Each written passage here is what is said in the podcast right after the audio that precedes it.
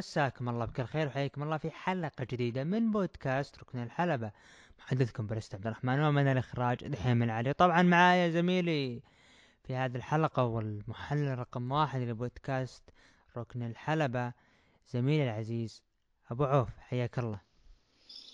يا حياك الله بالبلست عبد الرحمن وبالمستمعين الكرام والمخرج دحيم العلي في هذه الحلقة الجديدة والمتجددة من بودكاست ركن الحلبة.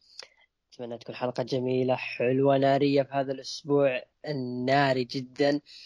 آه، من جميع المقاييس سواء pro wrestling كورة كل شيء. والنار وصلت لبودكاست ركن الحلبة فنقول هيا لنبدأ.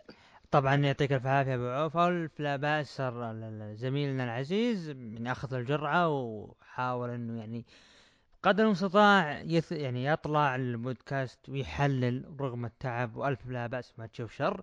طبعا الأسبوع هذا راح نقدم ما يجيكم جميعا. الحلقة راح نقدم الحلقة هذه رقم 79 طبعا راح تتأخر الحلقة هذه بسبب بعض المشاكل التقنية. آه... طبعا الأسبوع هذا شاهدنا قبل ما ندخل على المصارعة. أنا نزلت تغريده وقلت إنه السنة واحد وعشرين من ناحية انتقالات الكورة. يعني كأسماء ممكن أفضل سنة. كذلك المصارعة لما نجي للكورة ميسي راح لباريس. مبابي كان قريب للمدريد آه هاري كين قريب للسيتي. لأنه تفاجأ. رونالدو رسميا يخرج من اليوفي. كان قريب من السيتي فجأة راح وقع مع اليوفي مع عفوا مع اليونايتد. رسميا كريستيانو رونالدو يعود إلى مانشستر يونايتد إلى الشياطين الحمر. إمبابي قريب جدا ريال مدريد. ايدن هازارد قريب إلى اليوفي بنظام الإعارة. الإنتر خلص مع خواكين كوريا والإنتر اللي هزم هيلاس فيرونا يعني قلب النتيجة. الدوري السعودي تعادل الأهلي مستمر ثلاث تعادلات على التوالي فوز النصر اللي بآخر لحظاته على نادي التعاون اللي يعتبر هو الجريح. تعادل الهلال مع الباطن. أبو عوف رونالدو. أه حديثك عن الميركاتو. أنا بالنسبة لي هذا أعتقد أغرب ميركاتو شفناه طوال مشاهدتنا للكورة. يعني سلسلة تغيرات في الصفقات من بداية الميركاتو إلى هذه اللحظة شيء غريب وغموض وما ندري الأيام الجاية وش ممكن تخبي خلال تقريبا باقي يومين أو ثلاث أيام على نهاية السوق. فلا أستغرب إذا كانت في مفاجآت مقبلة. يعني أنت قلت آه، مبابي قريب للريال مدريد.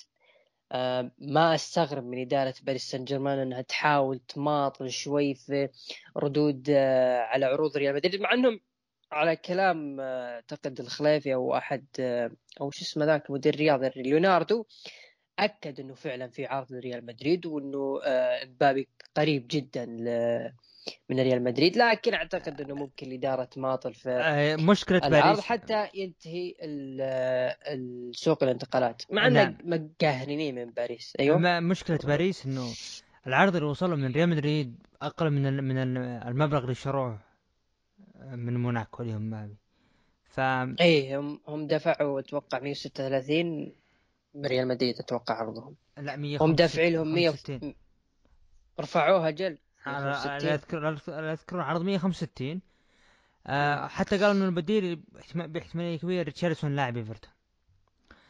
آه خلينا نخلص من هنا. نبي موضوع القرعة قرعة دوري الأبطال. قرعة دوري الأبطال أسفرت بأنه بايرن ميونخ حفله بايرن ميونخ مع برشلونة. أتلتيكو مدريد ليفربول إي ميلان مجموعة واحدة. السيتي وباريس مجموعة واحدة. وبورتو معهم. وبورتو معهم. وبورتو.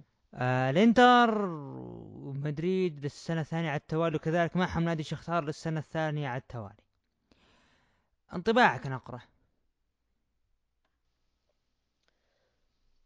قرعة حلوة لبعض الفرق لكن سيئة بالنسبة لنا كبرشلونة المضحك يعني. المضحك انه المضحك إنه تتخيل إنه لما أنت تتعب لما أنت تتعب وتجيب بطولة مثلا بطولة دوري كحال إنتر ميلان تنحط بالتصنيف الأول. مفروض إنه أنت تكون لك حظوظ أقوى. لأنه تفاجأ حاطين ليل الفرنسي إشبيليا الإسباني وحاطين كذا نادي بأربع فرق كل واحد أضعف من الثاني. طيب وش فيك زعلان؟ على الأقل دور 16 مضمون. مم. على الأقل تبتعد عن بعض الفرق اللي ممكن تكون مستوى ثاني. يعني ممكن ليفربول يكون الثاني وبيواجهكم أو بيكون الاتليتيكو يعني المجموعة هذه بالنسبة لي ممكن من آه، أعتقد ان أكثر مجموعة ممكن نستمتع فيها قوه الأسماء الموجودة. أتلتيكو بقيادة تشولو راح يستمر راح يستمر راح يستمر بجلد ليفربول. لا ننسى قبل سنتين آه، مع احترام جمهور ليفربول.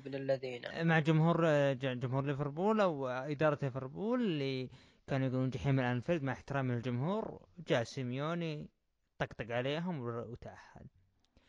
مجموعة مجموعة الموضوع. مجموعة أتلتيكو وليفربول يعني ممكن لما يقول الناس برشلونة طاح بالبايرن بالعكس بنعمة ولا يطيح مجموعة فيها. ليفربول. طيحت في ال- الطيحه مع البايرن نعمة؟ أنت عندك بايرن ميونخ بس. إيه، خير إن شاء الله. عندك بايرن ميونخ أكمل. فلما نقول أتلتيكو مدريد ليفربول آه، إيش ميلان؟ ميلان الله يعينه. والله والله طاحوا بمصيبة يعني. أول موسم لهم بعد غياب تقريبا آخر موسم لهم قبل سبع سنوات وثمان سنوات وطاحوا بمجموعة نارية. نفس الانتر قبل آه. قبل ثلاث سنوات يوم يطيح مجموعة فيها توتنهام اللي وصل نهائي الأبطال وكذلك برشلونة مجموعة واحدة. إي بس بعد ذلك آه، تأهل للدوري الأوروبي ووصل للنهائي. أما الميلان الآن عندك بورتو تقريبا فريق جيد في البرتغال ومعك الأندية هذه ف راح يكون في صراع كبير في هذه المجموعة للبقاء صراحة سواء دوري الأبطال أو حتى عفوا الانتر الانتر, بالمجموعة هذيك طلع ثالث وخرج من ال Europa League. قصدك السنة اللي بعدها اللي كان فيها دورتموند وبرشلونة.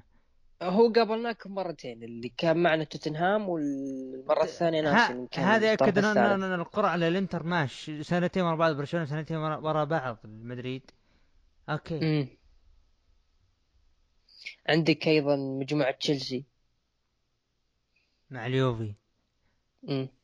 آه خلي خلينا نض- وأتلانتا مع نض- اليونايتد. نضيف نقطة. أنا أنا قلت إنه خروج ميسي يعني يعتبر خسارة لبرشلونة لكن فالخير للمدرب إنه قادر يسوي شيء.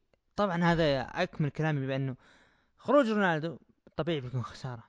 لكن صدقني صدقني إذا قدر يجيب المهاجم المثالي اللي هو يبيه اليوفي بيروح بعيد بالبطولة أليجري ترى يبي إيكاردي وإيكاردي وميسي بينهم touch فلا تستغرب رحيل إيكاردي وريتشاردسون يجي. إيكاردي ما حد يبيها أصلا من المنتخب الأرجنتيني. ماوريتو إيكاردي. ما حد راضي عليه. عموما خلينا ما ندخل. خلينا ندخل أخبار المصارعة عشان ما نطول بما انه يعني أنت تعبان فما تشوف شر. ندخل بقى الأخبار. طبعا إعلن بإصابة مذيع SmackDown الملقح بجرعتين بات مكافي بفيروس كورونا. راح نفقده بعرض SmackDown يوم السبت. بعدها ال W قدمت للنجم بيت دن عرض تجديد عقده حسب Fightful وهذا اللي ممكن أعتقد إنه قرب يجدد انه طالب العروض يعني. ولا ننسى عقد كول قصير المدى مع ال W سينتهي في يوم 27 أغسطس اللي هو تقريبا راح يكون يوم السبت. أو عفوا أنت يوم الجمعة. يوم الجمعة منتهي يعني المفروض من اليوم منتهي. وبعدها إدارة انكس تي. آه هنا بردوا تسبدي أنا نحرق عليه أشياء كثيرة. طردت عدة صحفيين اليوم من القاعة يقومون بتسريب حرق أحداث عروض الأسبوع القادم بما أنه العرض مسجل. هذا اللي اهم أهم نفسهم أحرقوا علي إنه سموه جو دخل وقع العقد ورجع كمصارع. وأخيرا سي إم بانك. ليلة ظهوري في AEW قد تكون أعظم ليلة في مسيرتي. خلينا نترك الأشياء اللي صارت اللي فوق وإحنا تكلمنا فيها. أبغى خبر يعني آدم كول. مستمر ولا را... ولا راح يرحل؟ لا أكيد مستمر. آه، نجم بحجم آدم كول له ثقلة في بالشركة بشكل عام مو بس في NXT. يعني النجم استخدموه في الفترة اللي كانت ما بين Survivor Series لما حطوا NXT ضد Raw SmackDown. شفنا الفترة اللي كانت بينه وبين سيث رولينز. كانت فترة جميلة. أنا بالنسبة لي أعتبرها اختبار لمدى جاهزية آه، آدم كول للعروض الرئيسية ونجح الآدمي. وكويس إن فينس مكمان ما حط فيه عرق كاري كروس اللي كنا نشوفه ال- الفترة الحالية لكن آه، أكيد آدم كول نجم مهم للشركة وخسارته راح تكون قسمة قصة ظهر آه، على ال WW ممكن ال WW تنتهي رسميا ويبدأ سوق بما أنه رجعنا لهم AEW أو أي اتحاد ثاني راح يوقع عليه آدم كول. يعني تخيل في عام 2019 تقريبا أربع جوائز داخل WWE حطمها آدم كول غير الجوائز من آه، جريدة PWI العريقة لما حطته بطل السنة وأفضل مباراة. فهذا دليل على انه النجم نجم ثقيل وصعب تستغنى عليه. ف آه، بعد ما انتهت رسميا عداوته مع كايل أورايلي أعتقد إنه راح يكون آدم كول دور في العروض الرئيسية. آه، بعد ما شفنا NXT الأخير يعني ما ودنا نسبق الأحداث لكن شفنا غياب آدم كول عن العرض فواضح إنه آدم كول راح يجدد عقده مع الشركة وراح تبدأ مسيرته في العروض الرئيسية مع آه، كاريون كروس.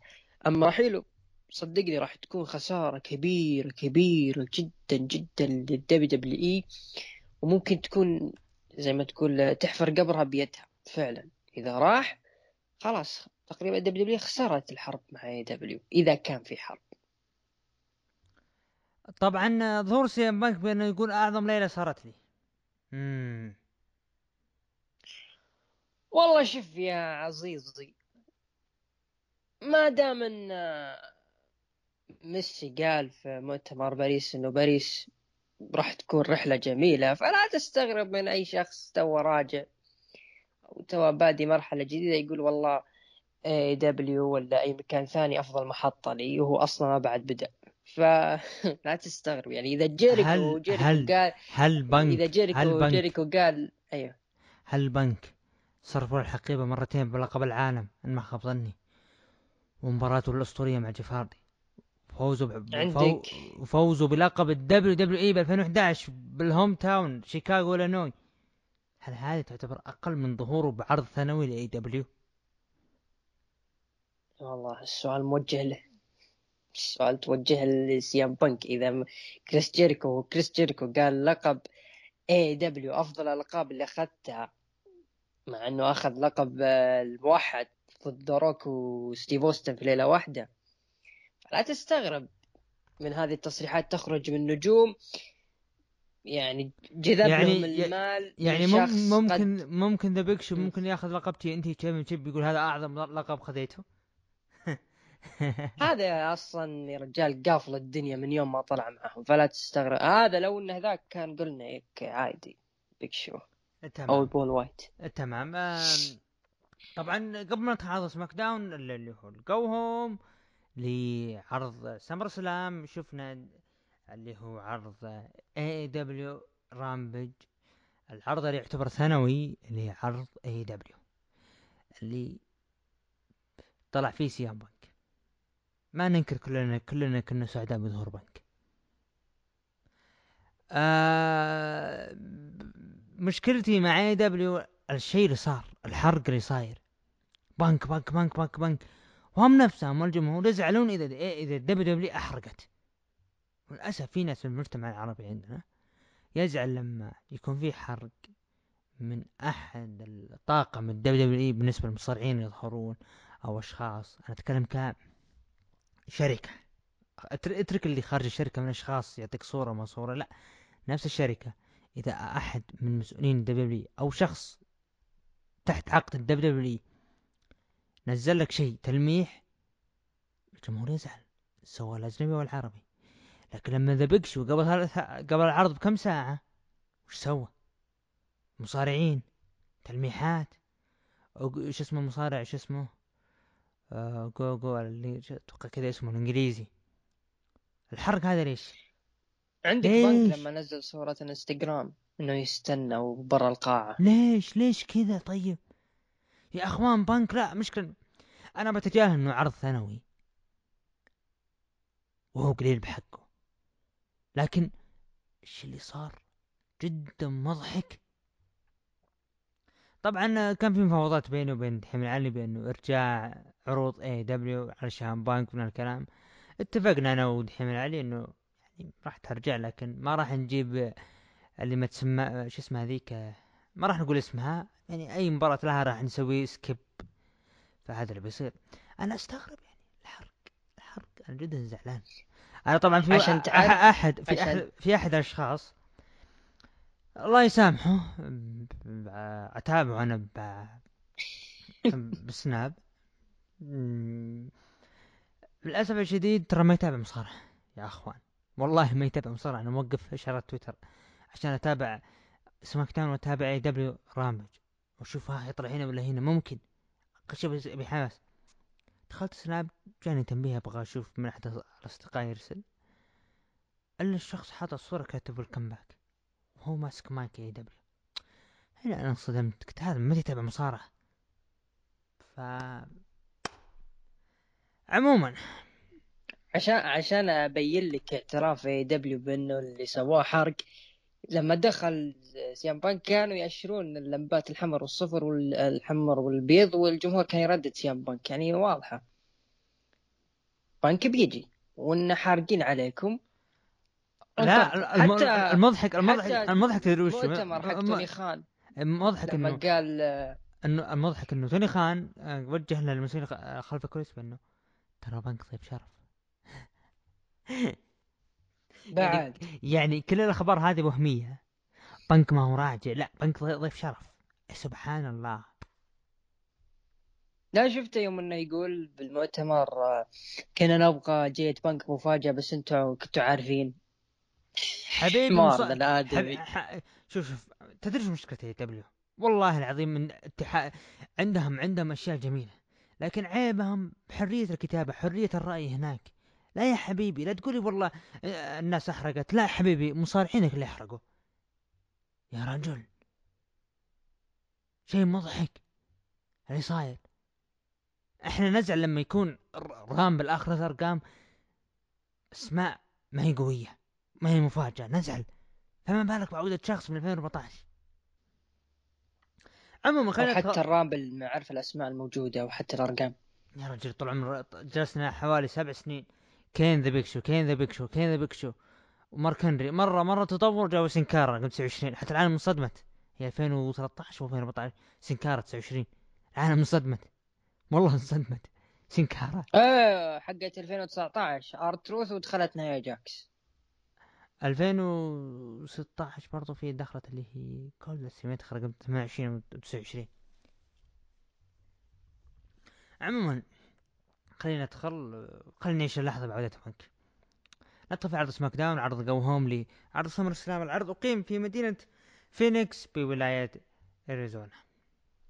فت- افتتح العرض بدخول إيدج وقال يا سيث أنا شفت كلامك الأسبوع الماضي بانصات وتركيز. وكنت قلق بخصوص اللي صار ب 2014 والاسبوع الماضي هددتني بنفس اللي صار ب 2014 وانت استفزيتني بالجانب المظلم. وأنا ما أحب أروح له لأنه صعب جدا بت... جدا إنه ترجع منه والمكان المظلم. وبكون صادق معك ترى بعض الأحيان المكان هذا يعجبني. وقال يا سيث أنا ارى ب SummerSlam مو بس بهزمك أنا بكسر شوكتك وب SummerSlam راح أحرقك. شفت برومو ايج ملامح إيدج جدا جدا جميل جدا جميل. البرومو خصوصا بعد استخدامه للظلام و آه، رجعنا لشخصية ال Brood. آه، جميل جدا. لا أكيد في ناس لا كثير لا نجيب لا نجيب كلمة Brood خليها بس نال العرض نجيب أيوه. آه، طيب ما هي مشكلة. آه، آه، جميل استخدام أجل الظلام وكيف إنه قدر يجذب الناس بأشياء بسيطة جدا. آه، تقدر تسبب من وراها شيء كبير. فهذه اللي إحنا عاجبينه في المصارعة ودائما نطالب من المصارعين. يعني والمسؤولين اهتموا بأشياء بسيطة راح تخلي الناس تنجذب. يعني مو لا تجبر الناس على شيء ما هو حابينه. إيج قدم لك شيء من عنده قدم شيء من عنده وشخصية جديدة. أنا أكيد الناس آه، خاب أملهم. بعد ما خسرنا آه، براي وايت وشخصية ذا فيند شبه ما ماتت وأليستر بلاك يعني ما في شيء ما في مصارع ظلامي ممكن يرجع أو يقدم حاجة حلوة. رد عودة إيدج بهذه الشخصية الظلامية وزي ما و- والآن قام يستخدم burn down والنيران وهذه الأشياء اللي كنا أنا كنت متوقع إنه سيث رولز ممكن يسويها. خصوصا كانت العام الماضي أفضل شيء لما دخل بعدها مع كيفن اوينز إنه أنت يا كيفن من كثر ما تستفزني احترقت. وهذه راح يكون واقعيا لجملة burn down أو استخدمها سيث رولينز لكن استخدمتها ال WWE علشان الناس متحمسة وعلشان الشيء الموجود في جيبهم. والآن جاك إيدج واستخدم الجملة ونجح الآدمي. وراح تكون هذه منحنى جديد في شخصية إيدج لكثير من الناس ما كانوا موجودين في زمن ال Attitude Era أو حتى زمن آه، وجود إيدج في وزارة الظلام. أكيد إحنا ما كنا موجودين. فإحنا راح نشوف لمحات من الأشياء اللي كان يقدمها إيدج مع قليل من الاستخدام ل آه، الأشياء الموجودة حاليا مثل الظلام وممكن الأماكن. وشفناها في SmackDown لا نستبق الأحداث. شيء جميل ورائع يعني أفكار أنا متأكد إن الأفكار من إيدج ما هي من المسؤولين الدلوخ اللي داخل WWE. فجدا متحمسين لإيدج آه، والشيء اللي قدمه الفترة القادمة ولا أستغرب إذا خلصنا من آه، دائرة رومان رينز رأس الطاولة. لا أستغرب عودة إيدج مرة أخرى للمنافسة على لقب الكون ونتمنى إن شاء الله يفوز. أعتقد راح يقدم شيء خرافي مع هذه الشخصية. في في شيء صار لإيدج مع متجر ال WWE تبغاني ألمح ولا أخليها بيني وبين نفسي؟ عطنا وش طبعا آه، خلينا بنعد إلى خمسة أبغى أقولها للأشخاص اللي ما بيعتبرونها بعض الاحيان حركة ولا واحد. اثنين ثلاث أربع خمس. بسم الله. آه في آه أنا أثناء جيت بشتري كم حاجة يعني البارين كوربن وأبغى أدعمه يعني. لقيت إنه آه اللي هي تيشيرتات إيدج موجودة بقسم ال Raw. فهذا هل ممكن إنه يدل على نهاية إيدج؟ في عرض SmackDown خلاص يرجع لل Raw وال Raw فعلا يحتاج أسماء مثل إيدج وراندي يروح هو ما تريد لسماك داون أكيد أكيد. إضافة شخص مثل إيدج أو أي مصارع ثاني ال Raw محتاج جدا. فقير الآدمي. لأنه لأنه لأنه ما أعتقد إنه الجمهور حابين تكون في مباراة ثانية بين إيدج ورومان رينز. خلاص. ما أعتقد. إلا إذا كانت ثلاثية. ممكن. أو على الأقل ينافس اللقب من بعيد لبعيد. إذا إذا تحمسوا الناس مع الشخصية ونجحت ولا أستغرب إن نجحت راح الناس تتأمل وتطلب فرصة ثانية لإيج على لقب الكون. لكن مشكلة الناس إنه راح خايفة إنه ما اخرتها يخسر وتموت الشخصية وهذا شيء ما نبغاه إلا إذا مات رومان رينز.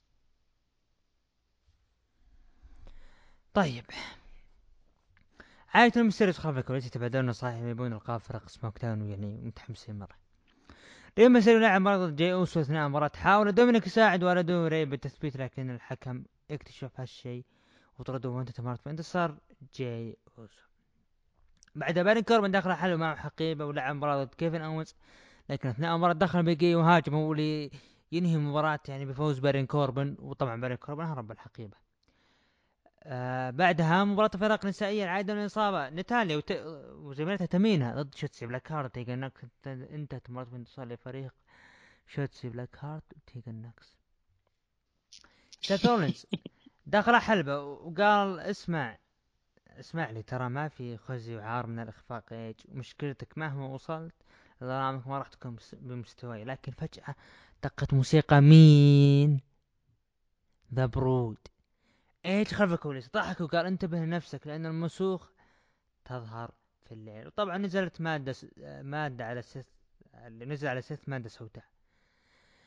ذا برود ايج رأيك؟ الحين الحين أبغى تتكلم. هل الحماس ارتفع؟ أكيد. جدا. وش هاللقطة اللي ما توقعنا منها ابدا؟ وش ذا الأسود اللي طلع؟ أكيد من الناس اللي شافت العرض سواء live أو مسجل والجمهور والج... والجمهور قهرني. ما في تفاعل مع الأغنية.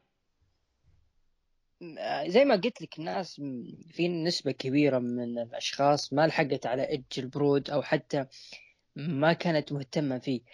فعودة إيج وبهذه الشخصية وبهذا الوقت على بعد إنه خايفين الناس تخفوا شوي على العروض نقدم إيج شخصية البرود علشان الناس تشوف وش كان أيام إيج سواء في المينستري اوف داركنس أو حتى ممكن يقدم شيء جميل مع هذه الشخصية إذا كان في فصل ثاني من عداوة سيث وإيج لكن آه، بالنسبة للبرومو والشيء اللي قدمه إيج خرافي خرافي وبيخلينا متحمسين للقادم لإيج والشخصية هذه وش ممكن يقدمون آه، فعلا ما في أي مصارع ظلامي حاليا في الدبليو دبليو إي ممكن يحمس الناس إلا إذا عاد إيج بهذه الشخصية آه جداً. متحمسين. تذكرت ك... كارين كروس مع زوجته آه، سكارلت سكارلت مم. مختفية بنت طيب. الذين ما أدري وش بينها ممكن الأخت آه، يعني حامل ال- عموما مانتس فورد ما في. شيء رسمي مانتس فورد ضد اوتس أنت تمرت من انتصار اوتس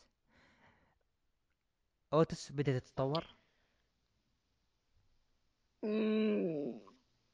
أنا والله كنت متوقع بعد ما خساروا الأسبوع اللي راح واللي قبله حسبت إنه العداوة خلاص انتهت. لكن تفاجأت إنها لسه مستمرة. أوتيس. ولا أدري إلى اين إلى أين الطريق. شوف. والله أوتيس هذا مهما يقدم والله ما ماني مقتنع فيه. أنا والله بديت ها ها اللي صار اللي صار بدأ- اللي صار في ماني ان ذا بانك في القلب ما مشى والله انساها. انساها. شوف شخصيته الآن والله أنا حبيتها صراحة. عموما. كينج ناكامورا والله لو يفوز لو يفوز بلقب العالم 17 مرة ما أقتنع فيه. كينج ناكا... نا- يعني مثل جون سينا أوكي المهم اللي حاول حاول يجيب 17 مرة ما قدر. كينج ناكا- ناكامورا ونتفاجئ زميله ريك بوقز لعب مباراة ضد أبولو كروز وعزيز. انتهت مباراة وانتصر لفريق كينج نا- ناكامورا. المشكلة مو هنا المشكلة إنه ريك بوقز اللي أول مباراة له فاز وثبت ابولو يا الصدمه ضحكت والله أنا. للأسف. أيضا الشيء اللي صار سمر سلام أنا ما ودي أحرق لكن للأسف أنا كنا متأملين إنه فترة ناكامورا مع اللقب ممكن تتحسن كجودة اللقب وحماس الناس لا لكن للأسف عاد الإحباط لي. عموما بيانكا بيلير لعبت مباراة ضد زيلينا فيجا انتهت مباراة من انتصار بيانكا بيلير لكن هجمتها كارميلا لعبت مباراة ضد آه ضدها وانتهت مباراة من انتصار بيانكا بيلير آه طبعا عندي سؤال بخصوص ساشا بانكس تمام؟ يعني رغم إنه يعني روج بعرض سماك داون إنه هي موجودة صح؟ راح تلعب مباراة سمر سلام مم. رومان رينز بالحلبة ودخل جون سينا وقال روم- قال رومان كل أسبوع تجي وتكرر كلامك وتقول إنه تثبتني. يعني طبعا هذا كلام رومان رينز. قال لي الحكيم أقصد بول هيمن. قال متى آخر مرة خسرت قال بول هيمن؟ ما حد قدر يهزمك من قبل يا الزعيم. قال سينا أنا أنا ما راح أخليك تكمل والجميع ينتظر سمر سلام يا يكونون فريق جون سينا أو فريق رومان رينز. وقال أوصلنا الجميع لو تصير مباراة بين سينا ورومان رينز يعني قبل شهر يعني الجميع بيقول رومان رينز راح يفوز لأن جون سينا عنده تصوير فيلم والتصوير صحيح لكن فوزك خطأ. لأني بفوز عليك وخليك آه وبخ يعني يعني وباخذ لقبك وأروح أصور أفلامي وأنت راح تبقى هنا منحرج وفاشل. قال أنا ما أقول أنت مو لكن أنت فقدت السيطرة بسبب غرورك. أنا عجبني هنا الكلام بعدين قال كل ما أحتاجه عد 1 2 3 وهنا آه، وأنا هنا لتجريدك من لقبك. وأنت تقول للجميع هذا مكان هذا مكانك وساحتك. أنا أقول للناس نفس الشيء ل 20 سنة. never give up لا تستسلم ابدا. رومان رينز قاطعه وقال وش اللي يخليك يعني إنه يعني مميز يا جون؟ وأنت بطل فيلم. ترى أنا قادر على الشيء بعدين سكت شوي رومان وقال okay إحنا ترى في فيجاس صح؟ خلاص نزيد الرهان. إما أخرج من اللقب بصفتي بطل universal أو أغادر اتحاد WWE وصافح جون سينا وكان بينفذ عليه سمو رب لكن جون سينا ثبته وعاد إلى ثلاثة. وهرب جون سينا كأنه فاز باللقب وأنتهى العرض بمشاهدة مشاهدات العرض بمليونين ومئتين وأربعين ألف مشاهد. رأيك بالإصابة من إيفنت؟ آه بربطها مع اللي صار في سمر سلام. تمام تقييمك للعرض؟ أعطيه ستة. تقييم المتابعين قيمهم من 9 ل 10 ب 16% ومن 5 ل 8 قيمهم ب 44% أقل من خمسة قيمة ب 40% أنا بالنسبة لي أعطيه سبعة ونص من عشرة. هذا بالنسبة للعرض. اللي هو آه عرض سماك داون ال go home لعرض سمر سلام.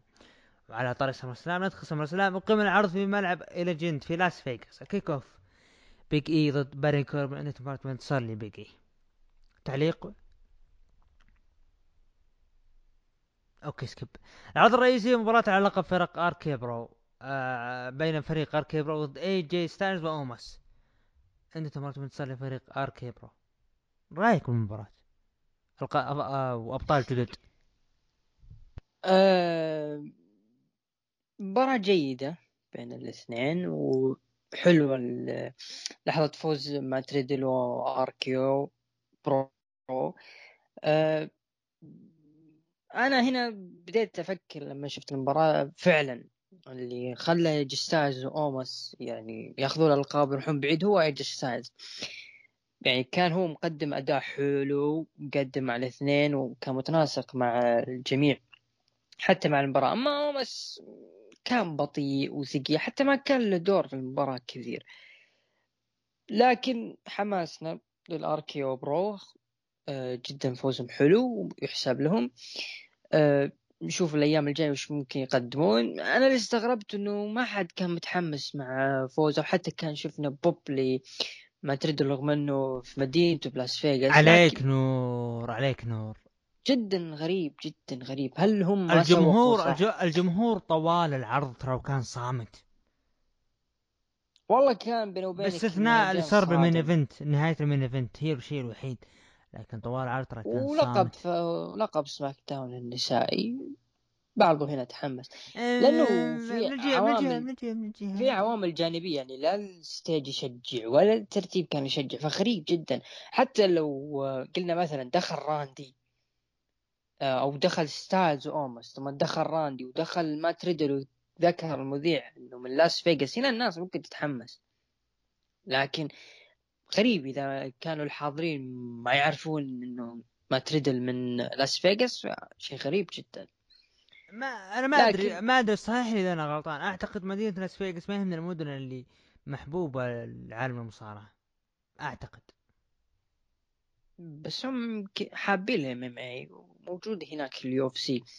يعني حتى إذا كان في جمهور راح يكون في حماس. ممكن. طيب. آه بعدها المباراة اللي, اللي أشغلنا فيها دحيم العلي وتحمس وايفا ماري راح تبدع وشوفوها تغيرت وما أدري وش واوا. وقال تابعوها. طبعا أبو داحم تابعها ويده على بطنه من المغص. أنا تابعتها وراسي صدع. إيفا ماري ضد أليكسا ضد أليكسا بليس الفائزة بمباراة أليكسا بليس بعد مباراة دودروب لمحت بانفصالها من إيفا ماري. skip skip. نعم. بعدها نروح مباراة على لقب الولايات المتحدة. داميان بريست ضد شيمس الفائز من مباراة داميان بريست رأيك بالمباراة لو بطل جديد.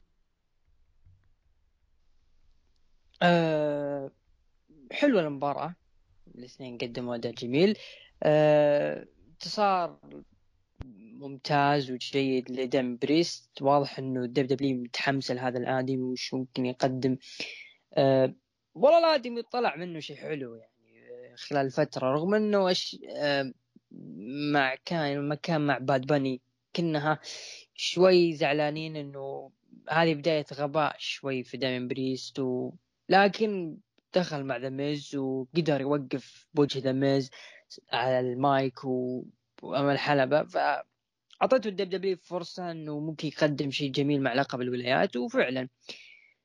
شفنا لما ما أدري هل هو كان خطأ botch ولا شيء لما طاح قناع شيمس واستغلها الآدمي. آه، طوال فترة بناء مباراة لقب الولايات. شفناه يعني إذا كان شيمس آه، مصاب وأنت هذا ميز وقفت على رجولك فأنت أيضا ما كنت مصاب.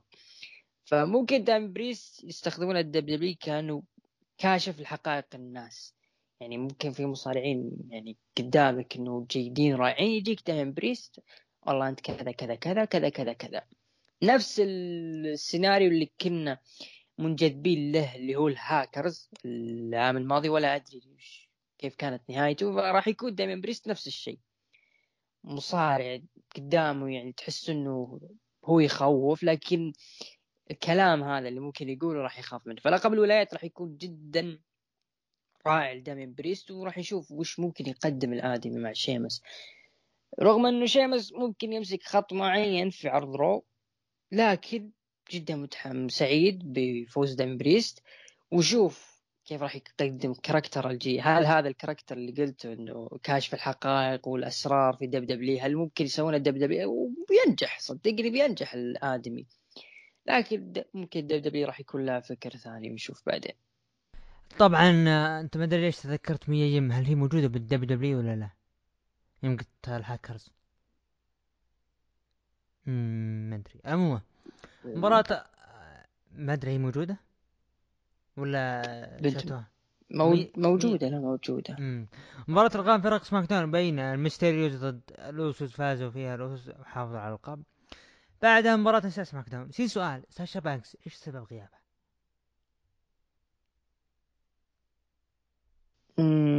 ما في شيء لحد الآن سبب معين ليش ساشا بانكس غايبة ما في شيء رسمي. بالنسبة لي ما ما عندي علم حاليا. عطنا ذا وشوف طبعا مباراة SmackDown اعلن فيها غياب ساشا بانكس وتخلص البديلة كارميلا. يو يا المغص لكن فجأة دقت موسيقى بيكي لينش وتتحدى بيانكا بلير طبعا مباراة السكواش اللي انتهت بدقائق بيكي لينش تحقق لقب SmackDown بعد ما ثبتت بيانكا بلير حسبي الله عليكم يا حق SmackDown حسبي الله عليكم. ألف في الوقت المتأخر إذا هو الثلث الأخير حسبي الله عليكم. يعني دام إنك داري إن ساشا بانكس ما راح تحضر ليش تروج لها المباراة من SmackDown؟ غبي أنت غبي. ولا وش مخك أنت؟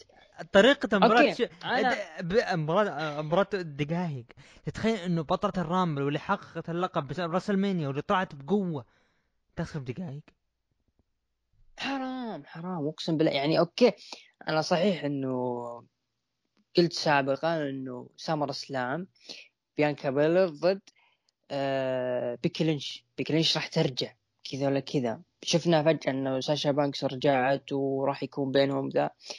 خف حماسي لكن قلت بيكي لينش راح تكون لها عودة سواء في العرض أو حتى في fallout SmackDown لكن الغريب إذا ال WWE عارفة إنه ساشا بانكس غايبة وما حضرت SmackDown ال go home وبطريقة ما دخلوا مع كارميلا وما جت بيكي. يا أخي على الأقل قل إنه آه والله كان في طريقة حلوة يستغلونها. يعني لو قلنا مثلا بيانكا بيلر أعلنوا آه إنه ساشا بانكس ما راح تكون موجودة في آه في عرض SmackDown. أو آه شو اسمها هذيك المديرة. شو اسمها؟ والله نسيت اسمها. المهم تبدأ بيانكا بلير أسلوب المتنمرين اللي والله ساشا بانكس هاربة مني وأنا الهاربة اللي تقول وما أدري إيش. ويعلنون إنه في منافس آه تقصد آه، سونيا ديفل. سونيا ديفل إي سونيا ديفل. أعلنت إنه والله ساشا بانكس ما راح تكون موجودة بسبب ما ثم تجي بيانكا بلير وتستعرض وين المتنمرة وين هذه أسلوب المتكبرين فهمت؟ كأنه بيان إنه بيانكا بلير راح تتحول للشخصية المكروهة. هنا SummerSlam تعلن إنه بيكي لينش راح ترجع. بس ما تخسر بس ما تفوز. حرام تفوز على بيانكا بلير بثواني. بيانكا بلير أنا كنت اصنفها انها راح تكون هي أفضل آه، أفضل بطلة نساء راح تكون موجودة أفضل مصارعة في السنة. عبد الرحمن رفض أو آه، ما وافقني الراي راح للدكتور آه، بريت بيكر.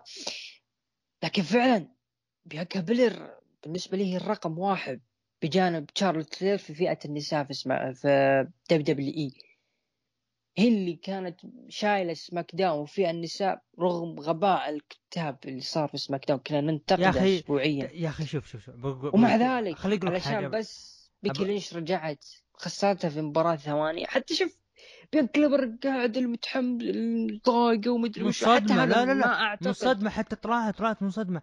يا أخي أقل شيء أقل شيء أقل ولا شيء. أعتقد إنه هذا فينشر بكلينش. ما أعتقد ده. ما قد استخدمته أصلا. أقول لك شيء. أقل شيء المفروض إنه okay تبغى بيكي لينش تفوز خلها كارميلا تلعب ضدها. تجي كارميلا كذا فجأة تهاجم. هي وزيلينا فيجا يهجمون عليها. تجي بيكي آه، فجأة تنقذ بيانكا بلير وبعدين تقول يلا يا آه، بيانكا أنا بمباراة ضدك الحين. أنا بالنسبة لي خطأ هذا. أنت كررت نفس الشيء اللي صار لما رجعت ساشا. زيلينا فيجا وكارميلا قاعدين يجلدونها ثم جت ساشا. هنا بتكررها في عرض شهري وبمهرجان كبير بحجم Summer SummerSlam.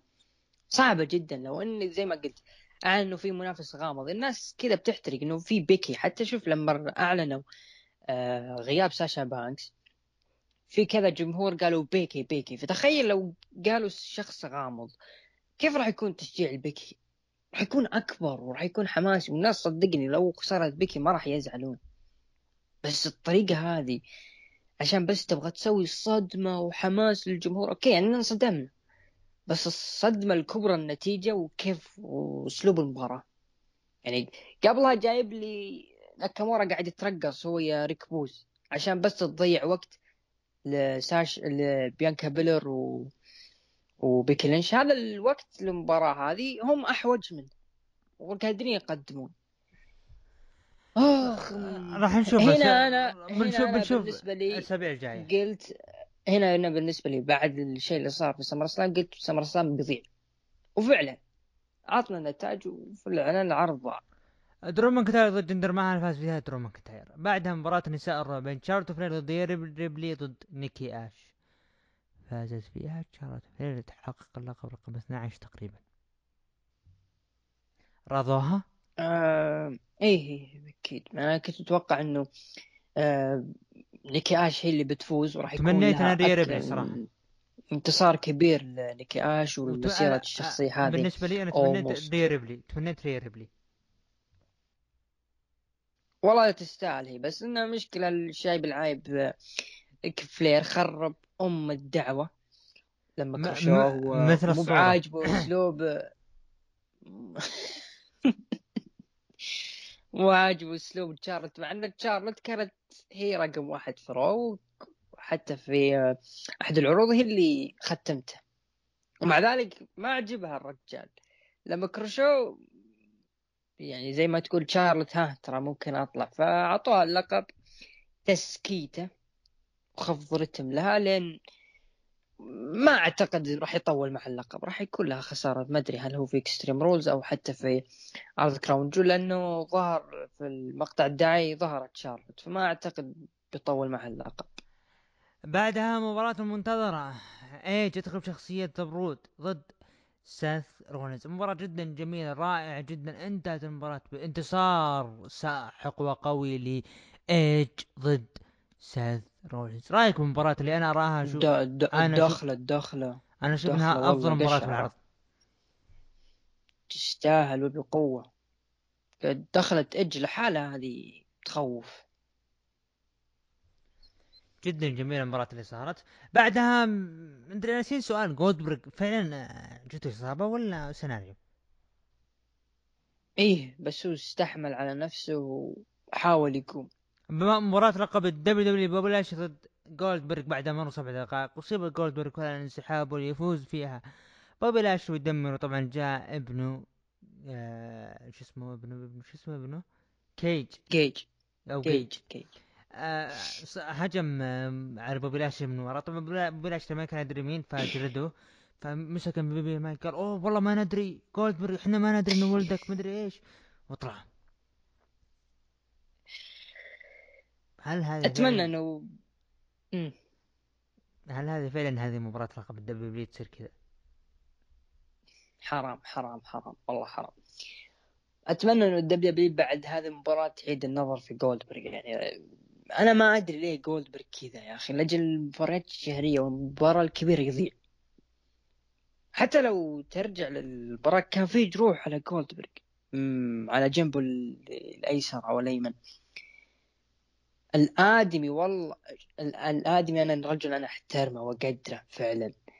نجم كبير بغض النظر عن السنوات الأخيرة لكن الرجال ما هو يتحكم في نفسه. يعني أنت يا فينس ماكمان قاعد تعطيه ثقة والله إنه في نجوم كثر قاعدين يستحقون هذه الفرص أو حتى هذه الدقائق. تعطيها لجولدبرغ. okay جولدبرغ نجم كبير بس شوف إيش قاعد يصير. أكبر لقب في الشركة آه، تم اخراجه بهذه الطريقة وهذا الأسلوب حتى إم في بي لما قال والله ما كنا ندري وهذا ولد يا أخي أنت هيل تتأسف ليه؟ أنت أحد أسباب نجاح فترة بوبي لاشلي في اللقب تتأسف ليه؟ يعني وهذه أنا بالنسبة لي كانت اللحظة المناسبة اللي خلاص هذه هذه هي أبو الشباب اللي طلع في الأخير هنا المفروض يطلع هذه اللحظة دمر جولدبرغ وتسبب في إصابته ودمر ابنه ومفروض إم في بي قاعدين يضحكون عليه وحتى بوبي لاشلي بطريقة ما يحط رجله عليهم. إهانة. هنا يا أبو الشباب اطلع. بس الحبيب اللي خلف الكواليس. آه لا لا. أقعد أقعد أقعد. نبيك بعدين. حرام حرام. أسلوب WW قاعد يطلع. ويلومونه بعد قلنا مستوى عروض Raw. انخفاض. وإذا كان أكبر لقب في الشركة هذا تعاملهم معه فكيف تتعامل مع الباقيين؟ يعني الحمد لله إنه كان في إيدج وجون سينا وسيث رولينز ولا كان ما حد بيتابع عروض WW طاري جون سينا نروح الحدث الرئيسي مباراة على لقب الكون بين جون سينا ضد رومان رينز. طبعا يا أخي رومان رينز حرص مكتوب قال إذا فزت يا جون سينا راح أغادر ال WWE ترى ما صار فيها صيت. تحس إنه ما في ترويج. طح أو رماها الكلمة وما حد اهتم لها. انتهت المباراة بانتصار لرومان رينز ويجلد جون سينا جلد مو طبيعي. بعد المباراة دقت موسيقى مين؟ الوحش. الوحش. ذا صاحب قصة ذيل الحصان وال look الجديد. بروك ليزنر جاء face to face مع رومان رينز وبول هيمن جالس يبكي ويقول oh my God ويدامع جدا جميل ردة فعل بول هيمن جدا جميل. طبعا طلع منها رومان رينز وكان في أعتقد قال براك بروك أيوه جدا جميل أنا حبيتها. بعد المباراة طبعا بعد نهاية العرض صار في فيديو حصري على ال WWE إكس شو اسمها هي؟ إكس شو اسمها؟ exclusive ما أدري وش. إي نعم. طلع فيها بروك ليزنر جر جون سينا وعطاه F5 وانتهى العرض. هذا كان عرض SummerSlam. تقييمك العرض ورأيك بال main event. طيب. آه نرجع ونقول آه، عداوة جون سينا ورومان رينز آه كان بينهم الطرفين زي ما تقول حامي في شيء حامي WWE حاولت تشتغل على هذه العداوة بشغل بحت. بالشغل اللي إيش؟ هم باعتقادهم الاثنين قادرين يقدمون فيه شيء حاجة حلوة. يعني جون سينا في المايك ما راح يرحم. طيب okay. عندنا بتجيب لك رومان رينز على في المباراة ما راح يرحم جون سينا. وفعلا شفناه قاعد يجلد في الآدمي. أنا قاعد يدي على قلبي. اخ لكن مستوى المباراة بالنسبة لي يعني لو قلنا على مسار العداوة اللي إحنا شفناها ما تسوى. خلينا نكون صريحين حتى لو إني محب جوسي ما تسوى صراحة. يعني كنت متوقع رتم أقوى رتم سريع على حماس الناس اللي موجودة ومحتشنة. أنا متوقع لو ما كان في هذه المباراة ما راح الناس راح تطلع من سمر أسلام. صدقني بعد الحوسة اللي صارت.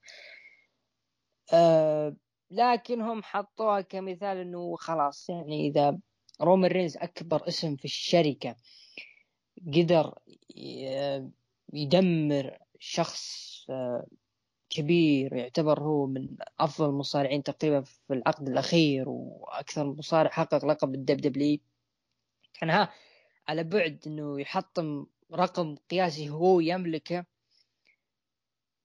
يعني زي ما تقول يعطون مصداقية لشخصية رومان رينز بحديثك إنه رومان رينز قال إنه في حال خسرت أنا راح أترك ال WWE هذا أنا بالنسبة لي اعتبره حرق.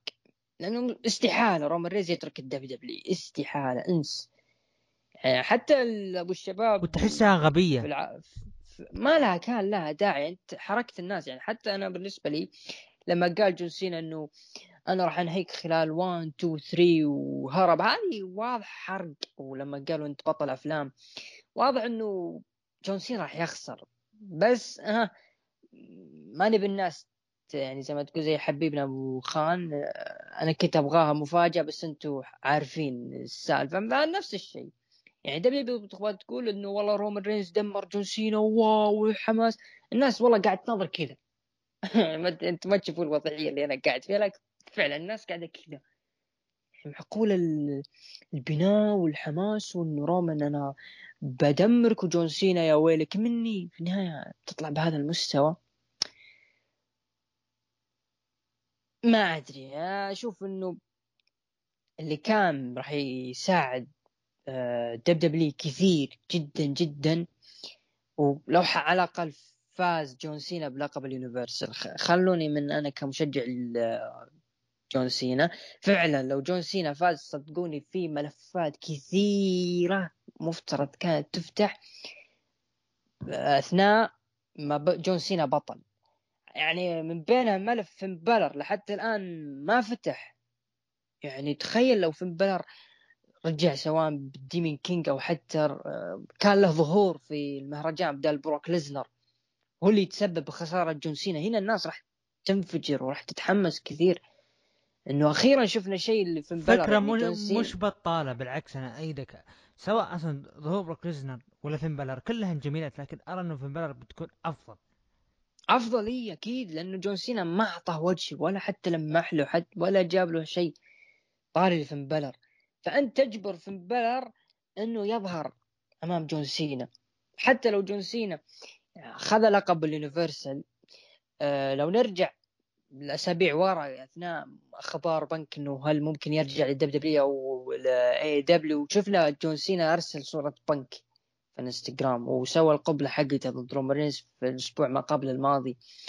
فتخيل لو جون سينا بطريقة ما حبكها ودمجها في العروض ما دام إنه جون سينا free في المايك راح يكون في حماس الجماهير إنه ها ممكن الشركتين الآن عندهم نجوم كبار سي ام بانك وجون سينا راح يرجعون العداوة والفتيل اللي بينهم.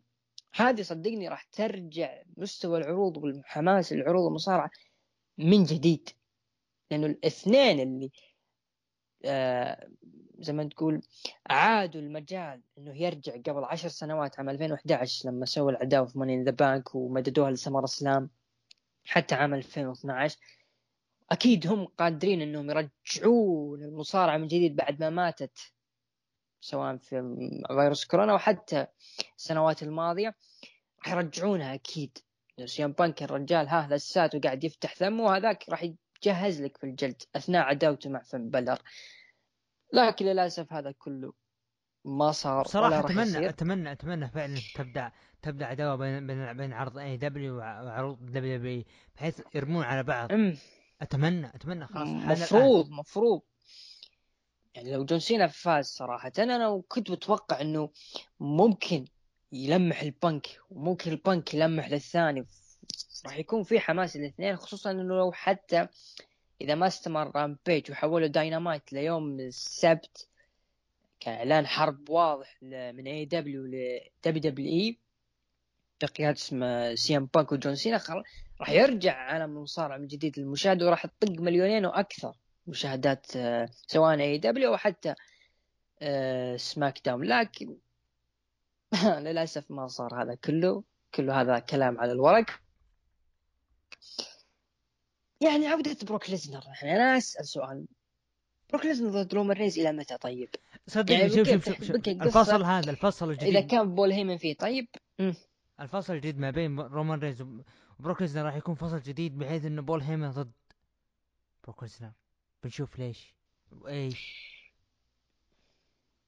يعني أوكي بس هذه يعني تخيل تخيل ترى. تخيل إن جون سينا مثلا يجي بعرض سماك داون. يطلع يقول بروك ليزنر أبيك. لا مثلا يطلب يطلب فرصة. إنه أنا بفرصه ضدك يا آه، رومان رينز وتكون إذا خسرت بطلع. ما راح أرجع. ما راح أطلب فرصة ثانية. يطلع بروكسر يقول حبيبي من انت؟ ترجع الصف أنا اللي باخذ فرصة. يطلع فين بالور يقول آه حبيبي انت اللي ظلمتوني وأنا باخذ فرصة. فتصير مباراة ثلاثية بعرض سماك داون. تتخيل؟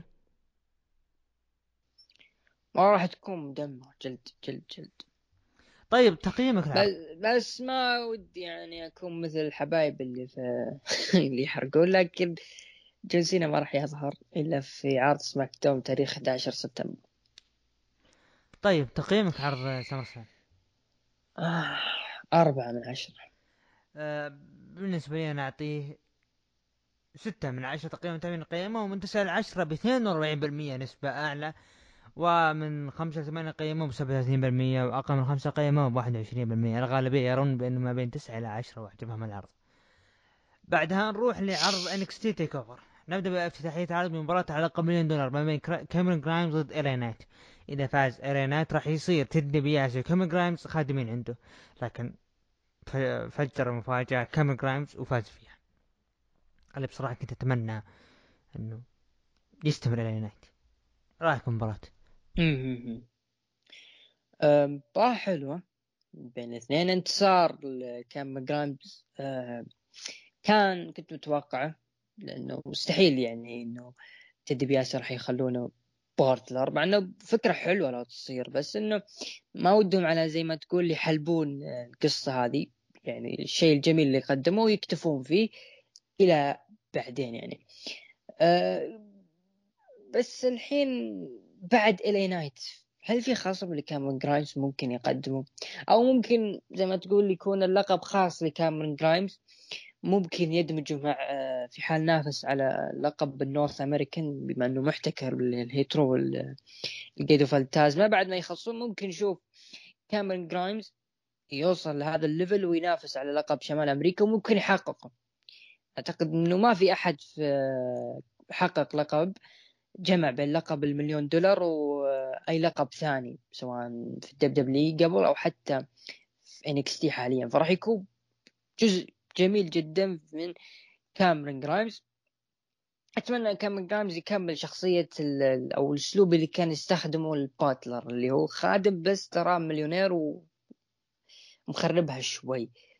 آه، مع إنه محاولة ديبياسي راح يمسك لكن صدقني راح يكون جميل جدا كاميرون جرايمز ونشوف الخصوم اللي ممكن يقدمون الأسابيع القادمة.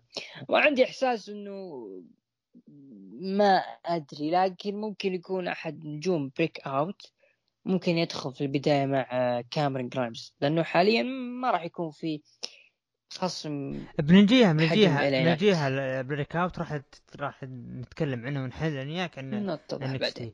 بعد مباراة رقم نساء NXT ما بين داكوتا كاي ضد راكيل كونزاليز فازت فيها وحافظت على اللقب راكيل كونزاليز تعليق ولا skip؟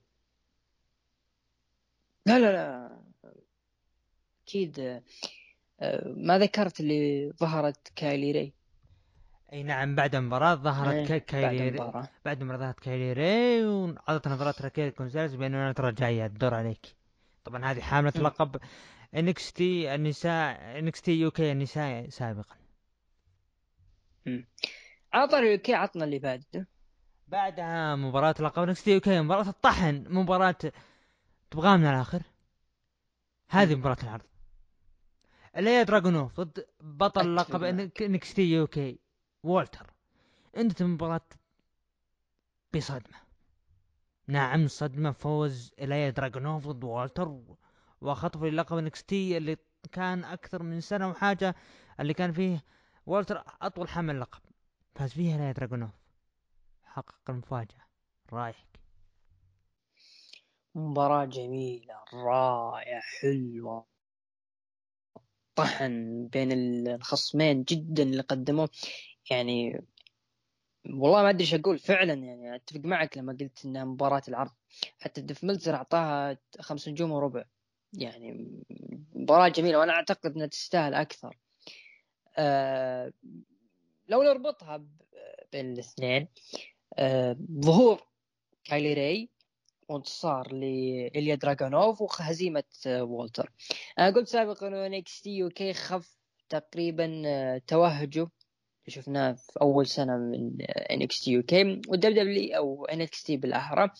آه، ناوي ترجع زخم NXT UK مع نجوم NXT اللي UK اللي ممكن يتصعدون ل NXT. فراح يكون هذه ظهور كايلي وفوز إليا دراغونوف بعد مباراة جميلة بين آه، ضد وولتر آه، أنا بالنسبة لي هذه اللي ممكن تخلي الناس تتوجه ل UK لا زال آه، أو عائد بقوة.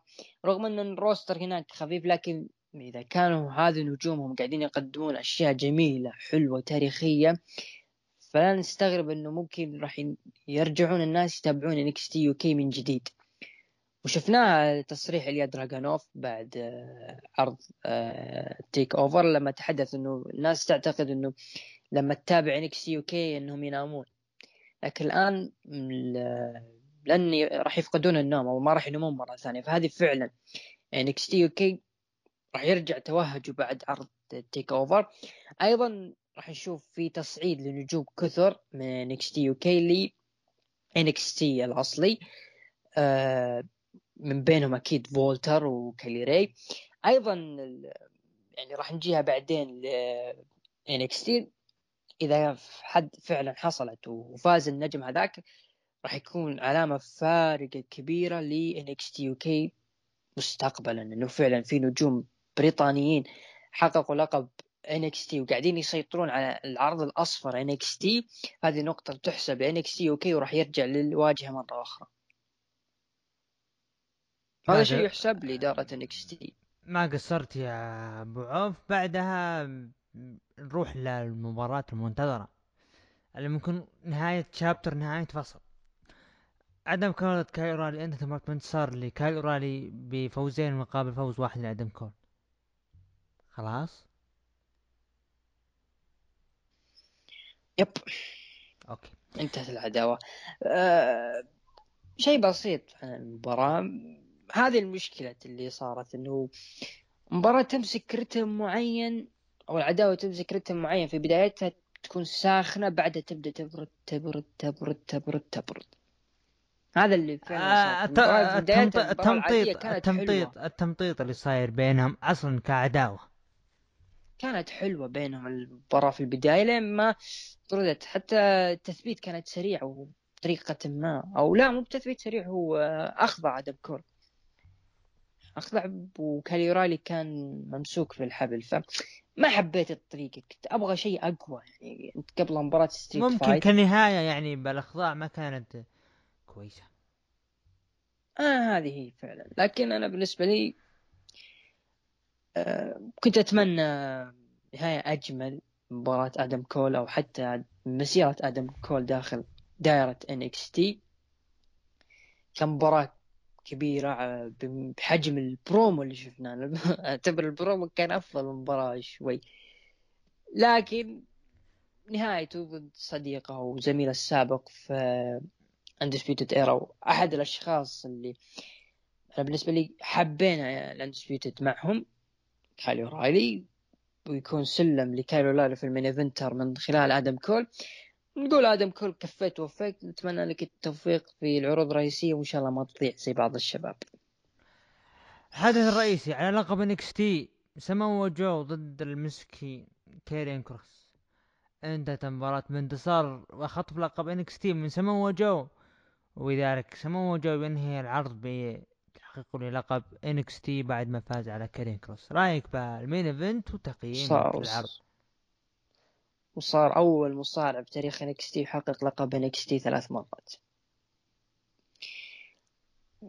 فعلا كارين كروس يعني لو ما ظهر في الفترات زي ما قلنا سابقا في ظهرات فترات عرض Raw بيكون أفضل وبيعطي المباراة زخم. لكن كانت مباراة حلوة. يعني أنا بالنسبة لي عجبني ال rhythm شوي اللي كان بطيء بين الاثنين إنه في ناس متحمسة هل ممكن كارين كروس يفوز ولا سموجو يفوز. لأنه اثنين ثقال ويستخدم وباور هاوس اللي هو الأسلوب اللي يستخدمون جسمهم أكثر شيء. كانت مباراة حلوة بين الاثنين. نهاية جميلة لما شفنا عودة فينش آه سموجو هذا المسلز أعتقد كان ممنوع أو غيره بسبب إصابة آه، هو قد أصيب أحد بس ما أدري من هو ناسي. بعدها اختفى هذا ال finish حتى شفنا جمهور NXT استغربوا. تمنيت لو كان جمهور NXT الحقيقي ال hardcore موجود أثناء المباراة و... اما بعدين يشيلون يشيلون الجمهور اللي يحرق فممكن في أمل إنه يرجع الجميع. نتمنى نتمنى. رأيك أو رأيك آه... عرض حلو جميل جدا. أعطيه سبعة ونص. سبعة ونص. بالنسبة لي أنا أعطيه سبعة من عشرة. راح تقييم المتابعين. قيموه من تسعة لعشرة ب ثمانية وعشرين بالمية ومن خمسة ثمانية قيموه بخمسين بالمية. وأقل من خمسة قيموه اللي هو باثنين وعشرين بالمية. هذا بالنسبة للعروض ال WWE الشهرية. طبعا أبو عوف عطنا الآن عرض الأحمر عرض ال Raw ال fallout لعرض سمر سلام. نروح لعرض ال Raw عرض ال Raw أقيم في سان دييغو كاليفورنيا مدينة الأسطورة. ري ميستيريو. وكذلك نايا جاكس. بكاس. نايا. نايا جاكس نايا جاكس. Okay. طيب. افتتح العرض بظهور بطل ال WWE بوبي لاشلي ومعه MVP. طبعا MVP قال أتمنى الانتباه وسأشرح ما حدث يوم الأحد مع أن العرض كان يوم السبت بس يلا مشي. طبعا نقول بوبي لا MVP إنه صدمنا إنه بوبي لاشلي لما تحدانا جولدبرغ كنا عارفين تاريخ جولدبرغ الاستثناء إنه كان قوي وعنيد وصلب لكن ما كنا نعرف تاريخه الحالي. نحن نعرف إنه عضو قاعة مشاهير لكن ليش جايب معك ولدك؟ هل هو جايب الثقة ولا إيش الهرجة؟ عموما ما حدث ان جولدبرغ ما ساعدته مسيرته خلال دقائق معدودة واستسلم لبوبي لاشلي. ودخل واحد هاجمه وأعطاه ال Hurt Lock وطلع ابنه. وبذلك بطل WWE champion هو بوبي لاشلي. ما راح يخلي أحد إذا غضب سواء أي شخص حتى لو إنه هذاك اللي كان موجود على الجماهير. طبعا دخل بطل ولايات آه، دامين بريست وقال يا شباب تراكم يحبكم للثرثرة تذبون على واحد مصاب. قال MVP اللي هو ما هو مصاب بوبي لاشلي اللي خلاه يصيب. طبعا رد عليه بريست ما هو مهم كيف تسمي الناس جبناء صح أنت قوي وأنا بنص حجمك ما راح أهاجمك من ظهرك ومع ذلك أنا أتحداك. وإذا ما قبلت التحدي فأنت جبان. طبعا تهاوشوا وانتهت لصالح آه، دامين بريست السيطرة. طبعا بعدها صارت مباراة بين دامين بريست ضد بوبي لاشلي. أنت بال DQ لبريست بعد تدخل شيمس. جاء درو ماكنتاير وفز على بريست طبعا صارت مباراة فرق بين بوبي لاشلي وشيمس ضد درو ماكنتاير ودامين بريست. انتهت بانتصار لفريق درو ماكنتاير ودامين بريست. عطنا رايك بخصوص مقدمة العرض. وصولا لمباراة الفرق. أنا في شيء حبيته من شيمس خلف الكواليس واللي أنا كنت أتمنى. درو ماكنتاير خلاص ما نبغى. ليش تدخلونه؟ نشب بحلقنا دامين بريست يعني تمنيت اسم أفضل من دايما بريست. رغم ان بريست قدم برومو جدا جميل. لكن تمنيت شخص أفضل. يطلع واحد جديد. ليش لا؟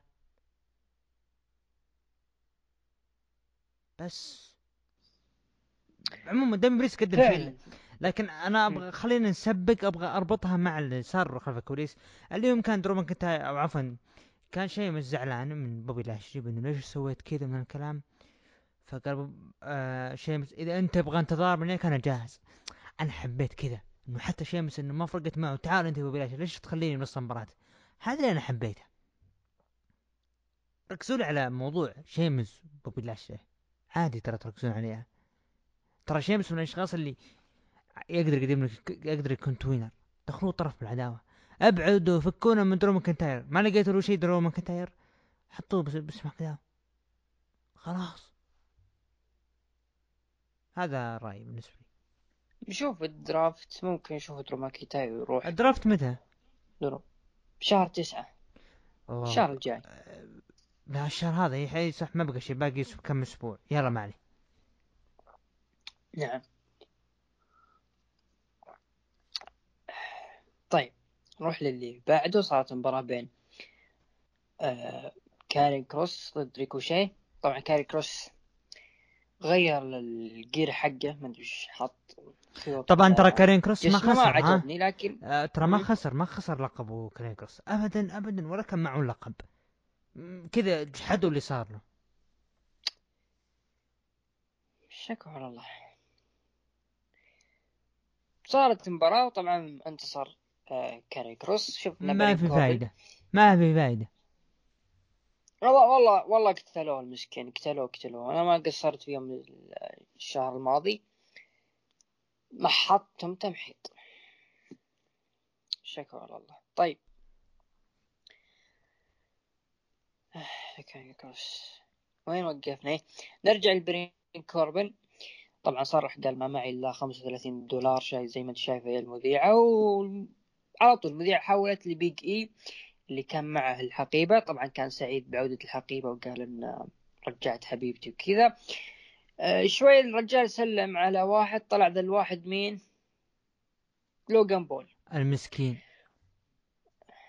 تكلم بأن الوضع ب SummerSlam طبعا كانوا kick off SummerSlam يعني SummerSlam لحد الآن ما بعد بدأ. يعني كوقت المقابلة قال إنه SummerSlam اللي قاعد يصير فيه عادي ولازم يتحسن. طبعا جاء كوربن وقال يا ابن الحلال ليش سحبتي علي يعني؟ رد عليه لوغان بول قال لانك غبي. أنا بسوي skip ال- اللي صار له مع الجمهور. عطنا عطنا صار الله يا مسكين. طيب. آه نروح ل- أول شيء قبل ما نروح للجمهور شو الفقرة اللي قال عنها عبد الرحمن. آه شيمس راح لبوبي لاشلي قال ليش سحبت علي وأنا كنت معك ودافع عنك؟ قال بوبي لاشلي لا أحتاج مدافعة أحد ولا مساعدة أحد. أنا مو وإحنا مو بربع. قال آه، شيمس طيب هين أنا أوريك. وطرده بوبي لاشلي و MVP وقال ال MVP هذا وش مشكلته؟ آه نرجع ولا خلها بعدين. آه بدأت فقرة Moist TV مع آه، جون موريسون. وضيفه كان لوغان بول. واستهجنوه الجمهور. استهجان غير طبيعي. وكل ما جاي بيقول حرف إلى هنا أو وقف. نفس في الجمهور. دقيقة دقيقة. دقيقة. إلى الاستئجام وقف آه وقفت التسجيل لا لا إحنا نسجل الآن. آه، إلى هنا نوقف على موضوع استئجان الجمهور تبغى تعرف إن الوضع ضياع؟ كتاب الد- الرو بال بالبرومو هذا أو السيجمنت هذا ترى كل اللي صار فيه ضياع كل اللي صار فيه ضياع ضياع. ضياع ترى دخلت ذا ميز ترى كانت آه، مجرد ترقيع. ترقيع باليسار أكمل.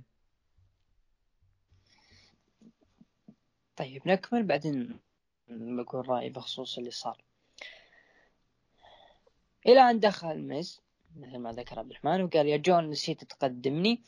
الجميع يعرف لوغان بول ولما دخل على الحلبة قال okay. أنا أحترمكم لكني أحب النيو داي أكثر. أنا ما أدري وش الرابط العجيب اللي بينهم لكن أعتقد علشان إكزيفر وود. آه، طبعا سألوا وش المستقبل لكم؟ قال أنا وأخوي راح نتلاكم مثل آه، فلويد ماي وذر في مدينتنا كليفلاند.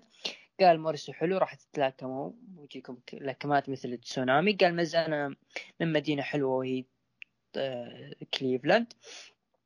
وتكلم عن النزال وقال من بيطرح الثاني. آه، قال آه، راح آه، طبعا يسأل لوغان بول. رد عليهم لوغان بول قال راح تعرفون نهاية الأسبوع لكن من من بيطرح ذا الأسبوع؟ طبعا ناظر مز أعطاهم face to face وقال جون يعني مز عصب قال مز ابعد عن وجهي. بعدها قال جون موريسون okay راح نشوف إنه لوجن بول راح يطرح ذا مز قال مز إيش؟ قال أمزح. قال لا تجيب الطاري. طبعا لوجن بول مشى وصار يتكلمون مع بعض عن البرنامج إنه لولا Miz TV ما كان في Moist TV وإصابة مز مزيفة. ليه ما دخل إكزيفير وودز؟ بعدها صارت مباراة بين إكزيفير وودز ضد ميز. دخلنا على فقرة Moist TV. يعني أعطنا أعطنا. فاز طبعا فاز فيها اكزيفر وودز و... إيه فاز فيها إكسيفر وودز. بعد المباراة حاول جون موريسون يواسي ذا ميز لكن ذا ميز آه، صدم الدنيا وهاجم ذا جون موريسون وجلده جلد. طبعا ما هو صدمة. هذا ما هو صدمة. بالعكس هذا أفضل شيء صار. آه خلينا نجي حبه حبه الفقرة هذه. طيب. هذه اللي صار بالفقره هذه فضيحة. ما حد تكلم فيها كان أقول فضيحة اللي صار. لما دخل لوغان بول استقبل استهجان الجمهور طبيعي لأنه فعلا مكروه هو وأخوه. بعالم الملاكمة. حاول إنه يلف ويدور مع الجمهور. قال موريسون هدوا وخلوه يتكلم وذا ميز. توهق لوغان بول دخل ذا ميز. دخل ذا ميز الحين هي اللي تعرف إنه فعلا ذا ميز دخل وتدري إنه وضع ضيعه دخل ذا ميز. قال إنه when my hands go up your mouth go shut. إنه إذا إيدي كانت فوق انت بتسكتون هذا من زمان ما سمعناها هذه. هذا وش هذه؟ لأنه في في ضيعة. بعدين قال خليني أسألك سؤال يا لوغان بول. انت واخوك تعتبرون نفسكم من افضل الناس. بدا يسألون أخوه بدا يلف ويدور بعدين هذاك جاب طاري النيو داي وبعدين الوضع في حوسة. بعدين ذا ميز فجأة قام يرمي كلام على لوغان بول الجمهور قام يحيي ذا ميز بعدها لوغان بول شاف الوضع كذا قال أقول أنا بتركهم هنا وأنا ماشي. اللي طلع من لوغان بول بآخر شيء تراها ما هو ما هو سيناريو. وأنا أبصم العشرة إنه مو سيناريو. واضح إنه مو سيناريو زعلان من اللي صار أنصدم وطلع ما يقدر يسوي شيء. أنصدم ما قدر يتعامل مع الجمهور لما يرمي شطح على النيو داي لما يرمي هي هي الشيء الواضح لما رمى على شطح على النيو داي. لما ذا ميز فجأة دخل. لما هو جاء استجابة الجمهور لما طلع فجأة. صدقني اللي صار كله لخبطة بلخبطة وأسوأ شيء ممكن تشوفه بعرض الرو هالشيء هذا. AEW تمنيت بعرضكم تطقطقون على هذا على الشيء اللي صار. إي والله تمنيت. أقسم بالله تمنيت. مسخروا كتاب الرو إيش اللي صاير؟ إيش المسخرة هذه؟ يا أخوان لا بالأخير الناس مستغرب. أوه جو موريسون. بعدين ميز آه انقلب عليه. كلنا متوقعين لكن مو بالطريقة هذه. جدا ما حبيتها نقطة سوداء بالعرض آه، الأحمر هذا بالنسبة لي. عطنا المباراة اللي بعدها. بخصوص الفقرة أنا أعتبره درس لكتاب عرض رو. هذا الآدمي يجيبونه مو كل شيء صادم أو تغيير في العروض ممكن يجذب الناس. مو okay آه، أنتوا تبغون عروضكم ترفيهية entertainment معلش معلش لوجان بول ما ألومه. يعني مو تخصصه على المصارعه مو تخصصه. أصلا أصلا أنا أنا أنا أنا أنا, أنا لوم الكتاب الرو لما يفكرون زي كذا. لوجان بول شطحة جايبينه. إيش نبي فيه لوجان بول؟ جيب دامين بريست شوي طقطق ويحتفل بفوزه. خليه بالفقرة هذه. ويلعب ذا ميز. بعدين ذا ميز يعصب يقول تعال يا دامين بريست أبي ألعب ضدك على لقب الولايات. الحين. فيجي جو مارس بعد مرتي يوسيه فميز يقلب عليه وينهي يقول أنت سبب ضعفي وعدم تحقيق لقب الولايات ما تعت... ما قد... ما قدرت اخذ فرص بسبتك. هذا اللي أنا بيه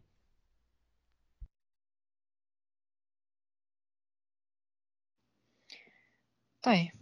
أنا بس صدمني أنا كنت متوقع إنه موريسون هو اللي يقلب على The Miz لكن بالاخير هو اللي قلب طيب ما قصرت بخصوص الفقرة. أتمنى لو بول ما عاد يشرف مرة ثانية. والله زعلني يعني. ال WWE لهالدرجة تروجون أنفسكم في مباراة بين YouTubers. عطنا طيب. المرة اللي بعد أنا رأسي انتفخ اي أنا بعد. صارت مباراة بين جندر مهل آه، ضد منصور. انتهت المباراة بال DQ لمصلحة منصور وشفنا جندر مهال قاعد يحتفل بال... بالهزيمة. والله من الغباء. آه، دخل ترويج ترويج هذا المنصور لأنه راح يلعب ضد جندر مهال بعرض السعودية مع مصطفى علي. ضد آه، يعني عصابة جندر مهال ما أدري احس انه حرام إنه منصور ضد علي. منصور وعلي ضد جندر مهل والشباب اللي معه.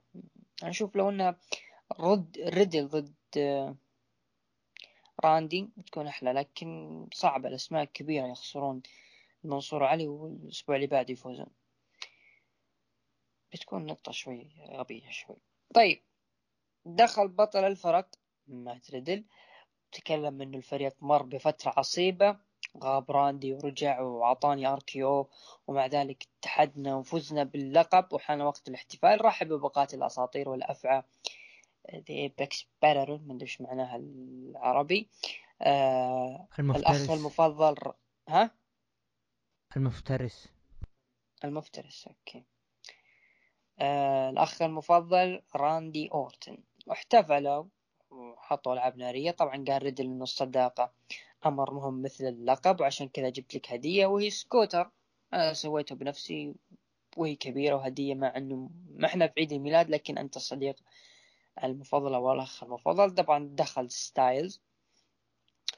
وقال يا ريدل أنا أو قال ريدل عفوا أنت جيت علشان تخرب الحفلة. قال ستايلز بالله عليك يا اومس شايف السكوتر يبي لك تكسر على روسهم وبعدين وش ذي الحفلة؟ لا كيك ولا حلا ولا هدية ولا حتى حضن. أنا عندي هدية لك يا مات ريدل هي phenomenal forearm مثل كل مرة و... وأكسر راسي. قال ما تدري صح فزت علي بس هذا قبل راندي والحين ما تقدر تسوي شيء قبل التحدي وراح ينهيك ب RK-Bro طبعا صارت مباراة بالحدث الرئيسي. أجل ستايلز ضد ريدل أو ريدل. أنتهت بانتصار ريدل. بعد المباراة راندي أورتن اعطى ستايلز RKO وانتهى العرض. عطنا رأيك بال main event طبعا آه، قبل ما اعطي رأيي في مباراة صارت ما بين فريق نايا جاكس وشينا بيزلر ضد آه شو اسمها ريا ريبلي ونيكي آش. آه طب بالنسبة لي الحدث الرئيسي يعني ما أدري الاحتفالية والبرومو ما أدري أحس إنه في برود. مباراة رائعة لا بس يعني ما أدري ما أحس إني اكتفيت ما في حماس العداوة أنا بالنسبة لي أنا أقيم العرض خلينا نقول نعطيه ثلاثة من عشرة. أنا مثلك ثلاثة من عشرة. طيب ستايلز اومس و RK-Bro. شفنا في العرض يعني ظهور ما عجبني. كان ظهور جانبي لفريق الفايكنج رايدرز. كانوا مع اللهم صل على محمد لوغان بول قبل ما يظهر ضد مع Miz TV. حرام صراحة إنه هذا الفريق كذا تعاملهم أو عودتهم. يعني أنا كنت متوقع لو بيرجعون يرجعون بال main event لأنه فعلا يعني ستايلز واومس مع ال RK-Bro شبه ما خلاص ماتت العداوة وانتهت يعني. وهذا اللي صار في ال main event خلاص نهاية رسمية لهم. فتمنيت لو إنه الفايكنج رايدرز آه ظهروا وبدال ما يدمرون آه، RK-Bro وراديو أركي فريق RK-Bro يدمرون ستايلز واومس ك إيش إنه خلاص هذول الاثنين راح يغيبون فترة. بالتحديد ستايلز بعدين يرجعون سواء في عرض السعودية أو ممكن تطول غيبة ستايلز. ويكون هذه الفترة RK-Bro ضد فايكنج رايدرز إلى عرض السعودية. من حيث إنه فعلا يعني طوال فترة حمل ألقاب ستايلز وأومس بألقاب الفرق ما تحس انه عداوة فرق كثر ما انه عداوة زي ما تقول مصارع ومدير أعمال ضد فرق. ستايلز هو اللي كان ماسك المايك وحتى اللي يسوي العداوات والمباريات اومس بس يدخل يسوي كم حركة يا ينهي المباراة هو أو ينهيها ستايلز. فشيء يزعل صراحة إنه تعامل فايكنج رايدرز كذا وغايبين لهم فترة ما عندهم تأخر ظهور لهم. لكن أذكر إنه أثناء بناء Money in the Bank يعني لو رجعوا فعلا وخربوا الحفلة أو خربوا ال main event. الناس راح تتحمس بعودة هذا الثنائي المدمر والجلادي. لكن لل WWE رأي آخر دائما أقول إحنا إحنا نريد وال WWE لها رأي وهي اللي تفرض رأيها بالأخير. طبعا آه، كم قلت تقييمك للعرض؟ مو ثلاثة اثنين ونص من عشرة. اثنين ونص من عشرة أنا أعطيه ثلاثة من عشرة نروح لتقييم أخواننا المستمعين. أه قيمهم من تسعة لعشرة ثلاثة عشر في المية. من خمسة إلى ثمانية خمسة وأربعين في المية. أقل من خمسة اثنين وأربعين في المية. طبعا مجموع المصوتين كان ثلاثة وخمسين في المية. أول مرة الجمهور ما يتفقون معنا. نروح للعودة AEW لا لا أعطينا NXT NXT طيب. نروح ل NXT طبعا NXT آه هذا الأسبوع. طبعا بدأ العرض بدخول بطل المليون بطل عفوا بطل مليون دولار الجديد آه كاميرون جرايمز بسيارة الليموزين. طبعا دخلوا الحلبة مع تيد ديبياسي طبعا قال تيد ديبياسي إنه من طلع والناس تسأل ليه رجع لين عرفوا إنه رجعت عشان لقب المليون دولار والبطل والبطل يجب أن يكون عنده جسم وعقل وقلب طيب وهو أنديا كاميرون جرايمز كان يحاول لين صار الآن بطل مليون دولار. طبعا رد عليه كاميرون جرايمز أنديا تيد ديبياسي خليتني مجنون وكانت ظهورك ولمحاتك علشان تختبرني. الأموال اللي حصلت عليها فقدت بصري لأن اكتشفت إني قاعد أنذل من ال اي نايت بأسوأ الأشكال. طبعا جت الدبياسي وساعدتني وصرت بطل مليون. طبعا سأله وين بنروح للحين؟ قال أنت تعرف وين؟ بنروح للقمر. هذه كانت افتتاحية. عطنا رأيك بخصوص الافتتاحية. افتتاحية يعني جيدة. يتكلم إنه خلاص اللي بيني وبين نايت انتهى والأشياء اللي صارت بالعرض توضح كل شيء. ممكن NXT Breakout هي اللي تبين بحيث إنه راح نجيها بالعرض. فعلا NXT Breakout هي اللي راح تساعد لقب المليون وطبعا صارت مباراة بين آه ريج هولاند ضد تيموثي ثاتشر. طبعا انتصار آه ريج هولاند بعد المباراة جالد مع بيت دان آه طبعا تحالفوا مع بيت دان ضد توماسو تشامبا وتيموثي ثاتشر. بعد المباراة صار آه صرح كارميلو هايز أن المباراة الليلة هي أحد أهم المباريات في مسيرته وبإمكانه الحصول بعدها على البطولات.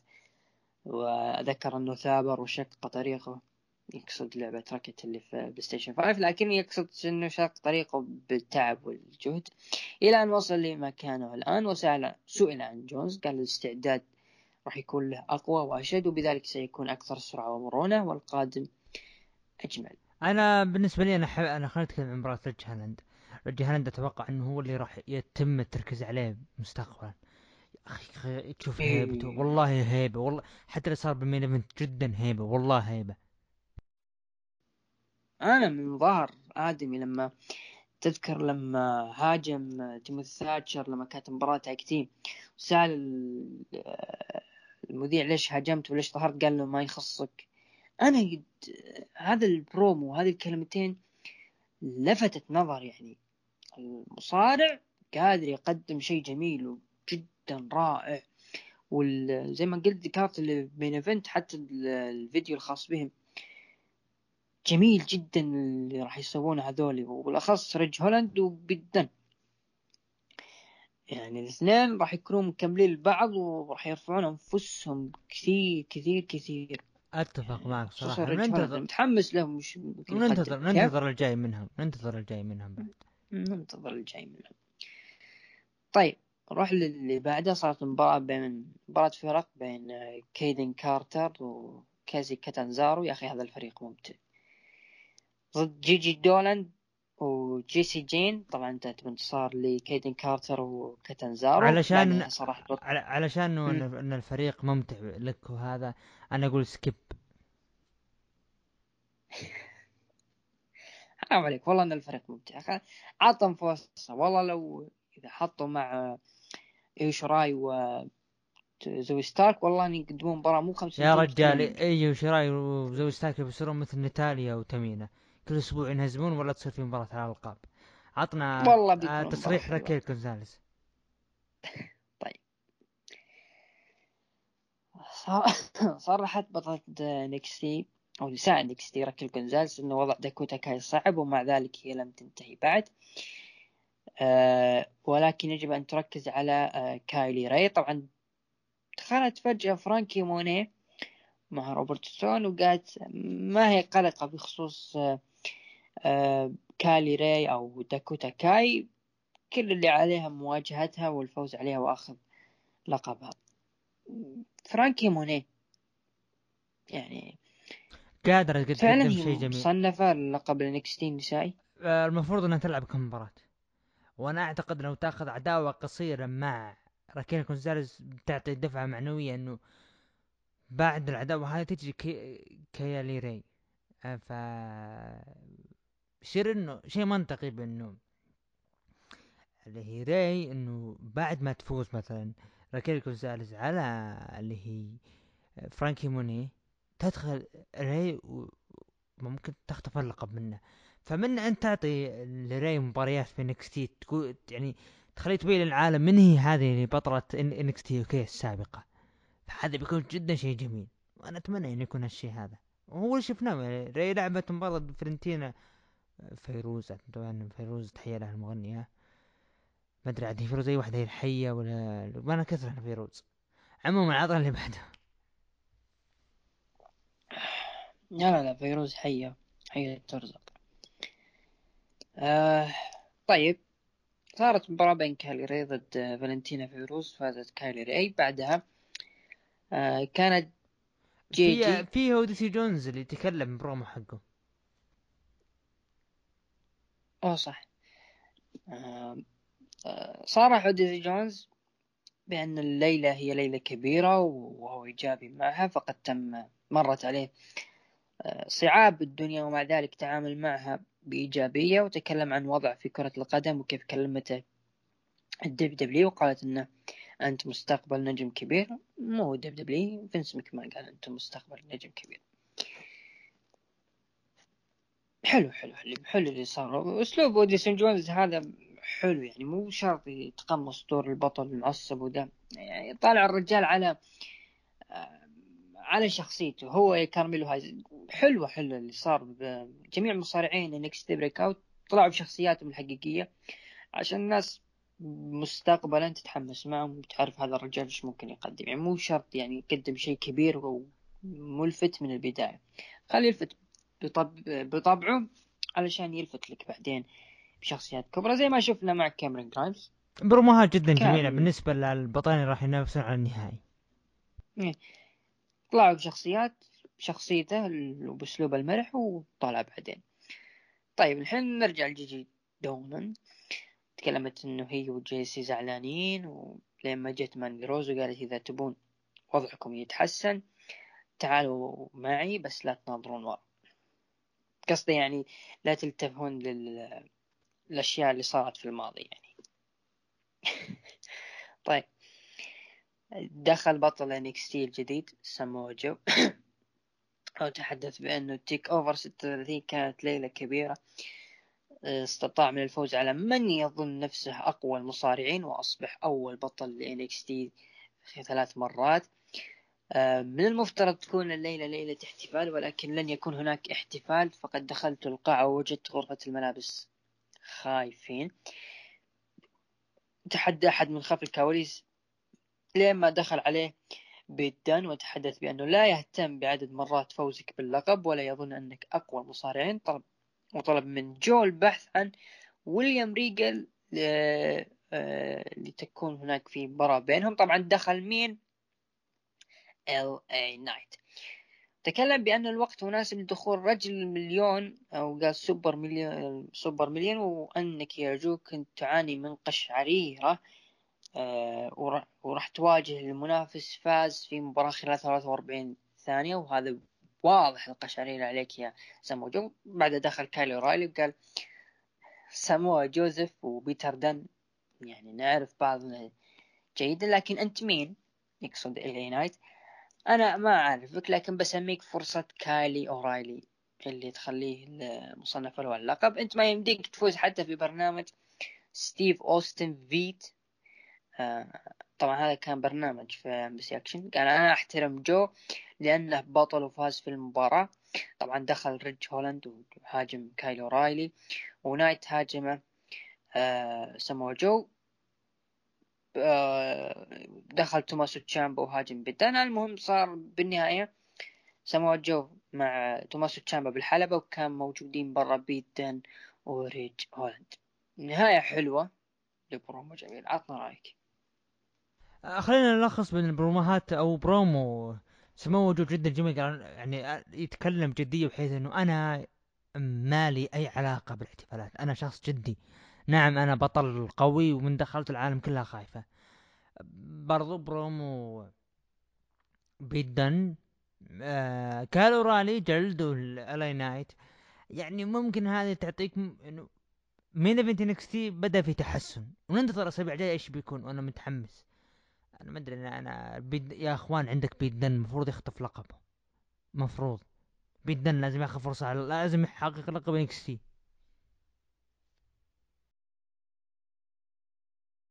عطنا النهايه اللي صار. هو هين هين.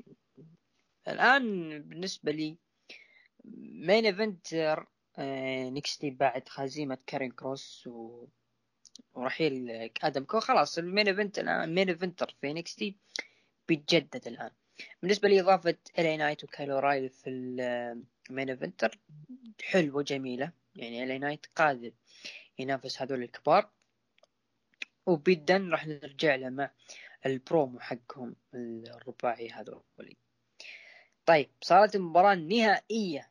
نهاية تصفيات NXT Breakout بين كارميلو هايز اللي أنا رشحته من بداية البطولة ضد مرشح فينس مكمان أوديسي جونز. طبعا بعد مباراة جميلة حلوة انتهت بانتصار لكارميلو هايز آه، بعد المباراة أعطاه ويليام ريجل العقد. عن أي مباراة لقب يختاره وسأل سئل آه، عن المباراة أو ما هو اللقب اللي راح ينافس عليه؟ قال إذا أطلق النار فتلك هي مباراة البطولة. جميل جميل كارميلو هايز جميل جميل. حتى أنا قلت إنه هو اللي أنقذ آه، أو من بعده منافسات breakout صارت جميلة جدا. هذا النجم هو اللي راح يمسك NXT بعدين. النهاية جدا جميل صراحة. مباراة رائعة. ممكن أنا يعني اللي هو أنا كنت متوقع هو تراي باكستر ما خاب ظني اسمه توقعت إنه ممكن اللي يحققها. وفي أغلب التسريبات من أوديسي جونز عشان محبوب عند فانس مكمان. لكن فاز فيها كارميلو هايز السؤال كيف بيكون؟ يستاهل والله يستاهل. كلهم يستاهلون اثنينهم. ونهاية جدا جميل. لكن على أي لقب راح يكون؟ أنا أعتقد إنه لقب الكروزر ويت ممكن أو لقب شمال أمريكا. ما أعتقد لقب مليون دولار ما أعتقد ابدا. أه صح لقب الكروزر ويت نسينا. ف هذا اللي أنا أتوقع إنه ممكن له دور. والله فعلا والله فعلا لقب ال cruiserweight مفصل له. نروح للبرومو الجميل بصراحة عجبني عجبني عجبني عجبني عجبني جدا. جدا وريج هولاند وأوني لوركن والثاني ناسي اسمه الأول بس أني أذكر اسمه بيرتش أه كانوا موجودين خلف في مكان ما. تحدث بيت دن أنه لا يهتم بمن سيقاطعه ما دام أن هدفه هو سمو داني بورش قصدك اللي هو كان زميل أوني لوركن؟ اي شو اسمه هو؟ آه داني بورش. داني بورش. آه وح طبعا زي ما قلت إنه فإن حدثت المواجهة بينه ضد سمو جو فهو البطل القادم. وأوني لوركن وبورش تحدوا على ألقاب الفرق اللي ما خسروها على أذكر بورش تعرض لإصابة. أه صحيح وتم اي سحبوا الألقاب منهم. سحبوا الألقاب وعطوها ل MSK بينما ريج هولاند تحدى توماسو تشامبا. ها هنا يبين لك إنه هذا الرباعي التركيز عليهم في NXT مستقبلا راح يكون عليهم كبير. غير كذا غير كذا ب... آه، آه، موضوع بيت دن مم. وعدم تجديد وحس انها كلها خرابيط راح يجدد عقده. إي بيجدد عقده أكيد بيجدد عقده. أنا قلت لك هذول الأربعة هذول الأربعة مع كايلي راي وإليا دراجنوف اللي راح يظهر الأسبوع القادم. وفي حال هذول الأربعة هم اللي يسيطروا على NXT بجميع ألقابها هذه راح نقطة تحسب ل NXT UK. إنه في الآن؟ أغلب النجوم آه، مسيطرين على NXT العرض الجميل هذا هم كانوا من NXT UK كانوا مصارعين في NXT UK ما حد الناس تنتبه لها إلا يمكن بيدن. وفولتر إذا ظهر بعدين. ف...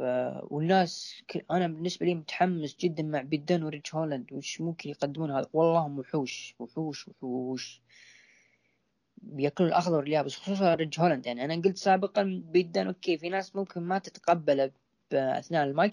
جابوا لك ريج هولاند أنقذ الآدمي. أنقذه أنقذه. آه طبعا صارت مباراة بين آه، بو ضد زيون. كوين, كوين أتوقع اسمه كذا. طبعا فاز زيون كوين آه جاك جرجانو طلب من ويليام ريجل أن لا يعد ديكستر لومس فرد من العائلة ويلغي حفل الزفاف لكن ويليام ريجل أقترح عليه برنامج سماه جوني جو جوكو bananas. ضحك جوني جرجانو من نطق bananas وطرده ويليام ريجل من المكتب. والله حزين جرجانو مستواه في NXT يا أخي. جدا حزين. نروح العرض الرئيسي. آه، مباراة بين عصاب عصابتين. آه، هيترو ضد ديل آه، بس مجرد مجرد سؤال اللقب cruiserweight ما كان في إعلان بأنه ما له أي ظهور ما له أي ظهور. يعني من بعد آه، ما زي ما تقول ألغي الأسبوع الماضي كانت المباراة المقررة الأسبوع الماضي رودريك سترونج ضد كوشيدا على لقب ال cruiserweight لكن ما أدري ليش ألغيت. هل تراي باكستر كان هو المفروض ضد رودري ضد كوشيدا بس الآدمي فسخ عقده؟ لكن أعتقد الأسبوع القادم أو حتى الأسابيع القادمة راح نشوف ظهور ل آه، cruiserweight وممكن نشوف آه، شو اسمه كارميلو هايز. يصرف عقده يصرف آه، عقده ضد كوشيدا وتصير مباراة بينهم. بنشوف والله فعلا يوم ذكرت لقب ال cruiserweight قلت okay كارميلو هايز والله مفصل له اللقب. راح يقدمون شيء حلو مع كوشيدا. أتمنى بعد يعطونهم وقت. الاثنين راح يقدمون شيء جميل. عطنا ال main event. ال main event هيترو ضد ليجيتو دل- ديل فانتازما. آه انتهت بانتصار لليجيتو ديل فانتازما. أتمنى تست... أتمنى تستمر عداوة هذه هذه مباراة جدا جميلة main event أتمنى استمرار عداوة العصابتين لما تنتهي مباراة بينهم بأنه خلاص هذه آخر فرصة بأنه لقب على اللقب يكون على المحك. حبيبي تعال يا ديل فانتازما يا سانتوس إسكوبار. تبغى ننهي عداوة؟ هذا حط اللقب على المحك. إذا فزت خذيت اللقب مع السلامة ما أخذ إنقلع. فزي كذا. NXT عرض جدا جميل. تطلع من عفن ال Raw NXT يراضيك. جدا جميل عرض NXT. بالنسبة لي أنا أعطيه خمسة ونص من عشرة. عداوتهم صدقني راح تستمر. ما راح تنتهي من هنا. أنا عندي إحساس إنه بيكون يعني عرق جرو بيوصل ال NXT. إنه أفراد العصابتين راح يتنافسون. يعني بداية راول مندوزا ضد واحد بعدين الثاني ضد واحد لين ما توصل لسانتوس اسكوبار ضد آه، سويرف سكوت على لقب NXT أتوقع جابوا معهم بنت أتوقع في النهاية ما أدري من هي صحيح. إيه. فأتوقع إنه هذه راح تكون face to face مع البنت الثانية اللي في Hit Row. آه تقييمك لعرض NXT أعطيته خمسة ونص أنا أعطيه سبعة. promo promo بيت دن وريج هولاند هذا يكفيك مع سما جو صار بال main event ونهائي NXT Breakout جدا جدا جميل NXT الحمد لله قاعد يتعافى العرض بعد الأخطاء اللي صارت الأسبوع الماضي. نروح لتقييم المستمعين. آه، عطوا من تسعة لعشرة أربعة عشر في المية من خمسة إلى ثمانية سبعة وستين في المية أقل من خمسة عطوا تسعة عشر في المية يلا نروح للعرض العائد. نروح بسم الله. طبعا عندنا عرض اي دبليو اي دبليو آه من زمان ما حللناه.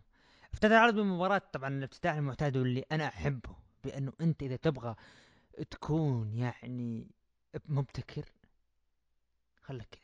افتتح العرض بمباراة ما بين أورنج كاسيدي ضد مات هاردي. انتهت مباراة انتصار لأورنج كاسيدي بتثبيت سريع بعد مباراة خلف الكواليس آه، شفنا ملا مالاكاي بلاك أو أليستر بلاك آه، قدم برومو عن بروك أندرسون اللي أنا صراحة معجب فيه وحذروا إن اللي بيصير له مع أبوه. بعدها كريس جيريكو. كان بالحلبة يتحدث بأنه الجميع يحتفلون هالاسبوع إلا أنا. طبعا يقصد إنه عشان بانك. لأن الأسبوع الماضي كان نهاية عداوته مع MJF يعني آه، بانتصاره. آه، لكن أنا خسرت والأسوأ أني استسلمت. وأنه عقلي دايم يقول لي اهزم MJF اهزم واهزم وراح أستمر الهجوم عليك. خلف الكواليس. بالحلبة ما يهمني شيء. قال أنا عندي لك إعلان وبك تجي الحين. طبعا ما طلع ام جي إف. قال جيريكو أوكي بقول لك اللي عندي أنا بمباراة أخيرة ضدك. في عرض All Out وأنا جد بشي إذا أنا ما قدرت أفوز على MJF ما راح أكون مع AEW ولا أستحق. إذا فزت عليه. وراح أروح لطاولة التعليق بدوام كامل أو أغادر AEW نهائيا وما راح أصارع ابدا. وعادها مرة ثانية. ودخل MJF قال أنا يوم سمعت تتكلم عني وأنا خلف الكواليس قلت يا أخي أبعد عني وش تبي فيني؟ وقال أنا خليتك تستسلم بسرعة. وقال شوف إذا تبي مباراة لك مباراة وأنا أفضل منك وأنت عارف هالشيء هذا. وطلع. أبو عوف في سؤال لما كريس شيركو يخسر بهالطريقة هذه لأنا ما حبيته صراحة هذا هل يدل إنه فعلا نهاية عداوة. لكن سؤال لك هل هذا لخبطة بأنه يرجع يلعب يعيدون يلعبون مباراة أخيرة وأنه يحط مسيرته على المحك كريس جيريكو؟ هذه مشكلة. يعني أنا مشكلتي مع العداوة هذه هذه طولت أكثر من اللازم. المفروض MJF يروح للل level اللي بعده. يعني مر على العصابة كل أبوها وال اللي صار الأسبوع الماضي لما تم إخضاع كريس جيريكو يعني هذه فعلا كان يبين إنه خلاص آه، العداوة انتهت.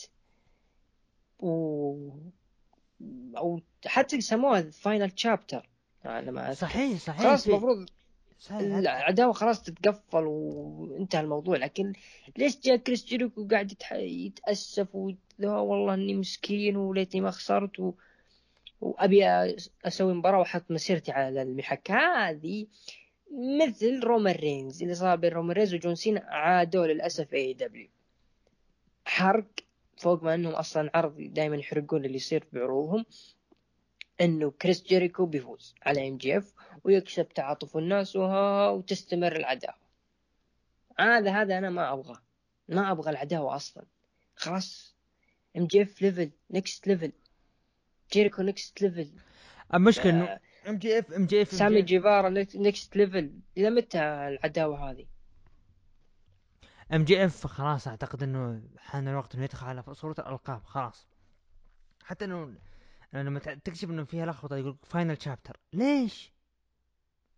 عموما طبعا مباراة فاينل شابتر ويعيدونها العرض شهري مباراة نصف النهائي لبطولة الفرق لوتشا براذرز ضد Varsity Blonds قبل قبل ما تبدأ المباراة دخلوا عصابة Elite ال Young Bucks و Good Brothers وجلسوا يتابعون المباراة.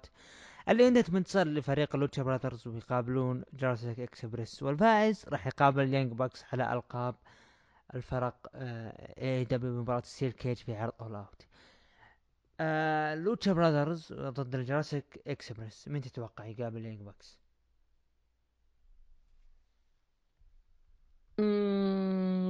بنروح مع ال logical أكثر. ال Lucha Brothers. أنا أعتقد انه Jurassic Express عشان تعاطف الجمهور. طيب. نشوف. آه طبعا ال Young Bucks بعد المباراة دفعوا فريق Jurassic Express لكن تلقى هجوم منهم. طبعا في مباراة صارت لكن skip بدون ذكر أسماء. خلف الكواليس مشاكل بين عصابة Dark Order مستمرة. سي ام بانك متواجد بالحلبة. الله يا بانك. تحدث إنه سبب عودتي يعني الجمهور كان يردد اسامي ديربي الن فقال سبب عودتي بنتاغون براين بيلمن جونيور راي فينيكس جنجل بوي. لكن قبل كل الاسماء في شخص واحد يقصد ديربي الن ومدحوا ومدح اداؤه بالحلبة وقال إنه يسوي كل شيء بالحلبة وقال إنه يعني إذا لا زال بانك افضل مصارع بالعالم والاجابة يعني نعم بتكون بدايته من ديربي الن وإنه هو ما هو الاقوى لكن يملك قلب وقال اذا تبون إجابات أسئلتكم خصوصا إذا أنا الأفضل بالعالم. طبعا الجمهور هتف بكلمة yes yes وقال هذه يقصد إنه الكلمة لشخص ثاني. أنت اصبر شوي. طبعا يقصد وشو قرب توقيع دان براين مع عرض اتحاد AEW قال أنا راح أثبت نفسي في عرض All Out ووجه تحية وقبلته زوجته ابريل يقصد AJ Lee وحيا الجمهور وطلع. زين سؤال لك استمرار الحرق. داني براين بيظهر بعرض AEW بالبداية خلينا نتكلم عن بانك أنا ما أعتقد قد تكلمت عن بنك بشكل كبير. فبقول أوكي اي دبليو كسبوا اسم كبير ممكن أكبر اسم وقعوا معه كمصارع. آه، له شعبية وراح يفيدهم كثير اللي هو سي إم بانك. جاب الطاري كثير لما تكلم في Rampage إنه آه، إنه رجعت للجمهور وكذا. طبعا لا تصدقون أي أحد يكون رجعت للجمهور رجع لل business أكيد. لكن آه، كان حاب يتكلم إنه في أشياء وفي ملفات راح تنفتح بعدين آه، أثناء تواجدي في العروض. آه، أنا بالنسبة لي ظهور بنك هو اللي راح يساعد اي دبليو ينتشر اسمهم كبير. آه، في ناس كثار زي ما قلت هذا الكويت اللي حرق عليك العرض يعني. تقول إنه ما تابع المصارعة لكن آه، لما عاد بنك وشاف إنه في طبعا تحية لاهل الكويت وتحية للشخص هذا بعد. اي اي اي ما نقصد أحد لكن أقصد أنا إذا هذا مثلا ما كان عارف إنه في اتحاد اسمه AEW ظهر معهم بانك فأكيد الناس راح تنتبه من هذا الاتحاد و... ومعهم داني براين الأسبوع القادم أقول أقول أقول لك شيء. أحد الزملاء أو أحد أصحابي دخل عليه بالخاص. قال أوه بروك ليسنر رجع. قلت إيه بروك ليسنر رجع وبانك. أما بانك رجع وين؟ قلت اتحاد AEW قال وش الاتحاد هذا؟ أول مرة أسمع فيه. والله هذا كلمته. علمك اتحاد AEW مالكو توني خان أبو رئيس نادي فولهام عنده نجوم مثل كريس جيريكو كودي رودز سي أم بانك و وقريب بيوقع مع أسامي مثل داني براين فاستغرب قال أوه كيف؟ فقال شكله ببدأ اتابع الاتحاد. أكمل. النقطة اللي بوصلها إنه تأثير آه، أنا. أكثر مصارع بيأثر في مسيرة آه، اتحاد AEW خلال الفترة القادمة هو سي ام بانك. يعني حتى لو ظهر داني براين okay له تأثير لكن سي ام بانك أنا بالنسبة لي تأثيره أقوى. أقوى بكثير من أي مصارع آخر ممكن AEW راح يوقعون معه بالنسبة لي. آه أنا أنا بختصر سالفة سي ام بانك مع AEW سي ام بانك وتوني خان فاتحين ثمهم. بانك بينقض الكلام وذا الكلام راح ياكلوا توني خان راح يحللوا بفلوس فلوس فلوس وهذا اللي راح يسويه. طيب نروح للبرومو.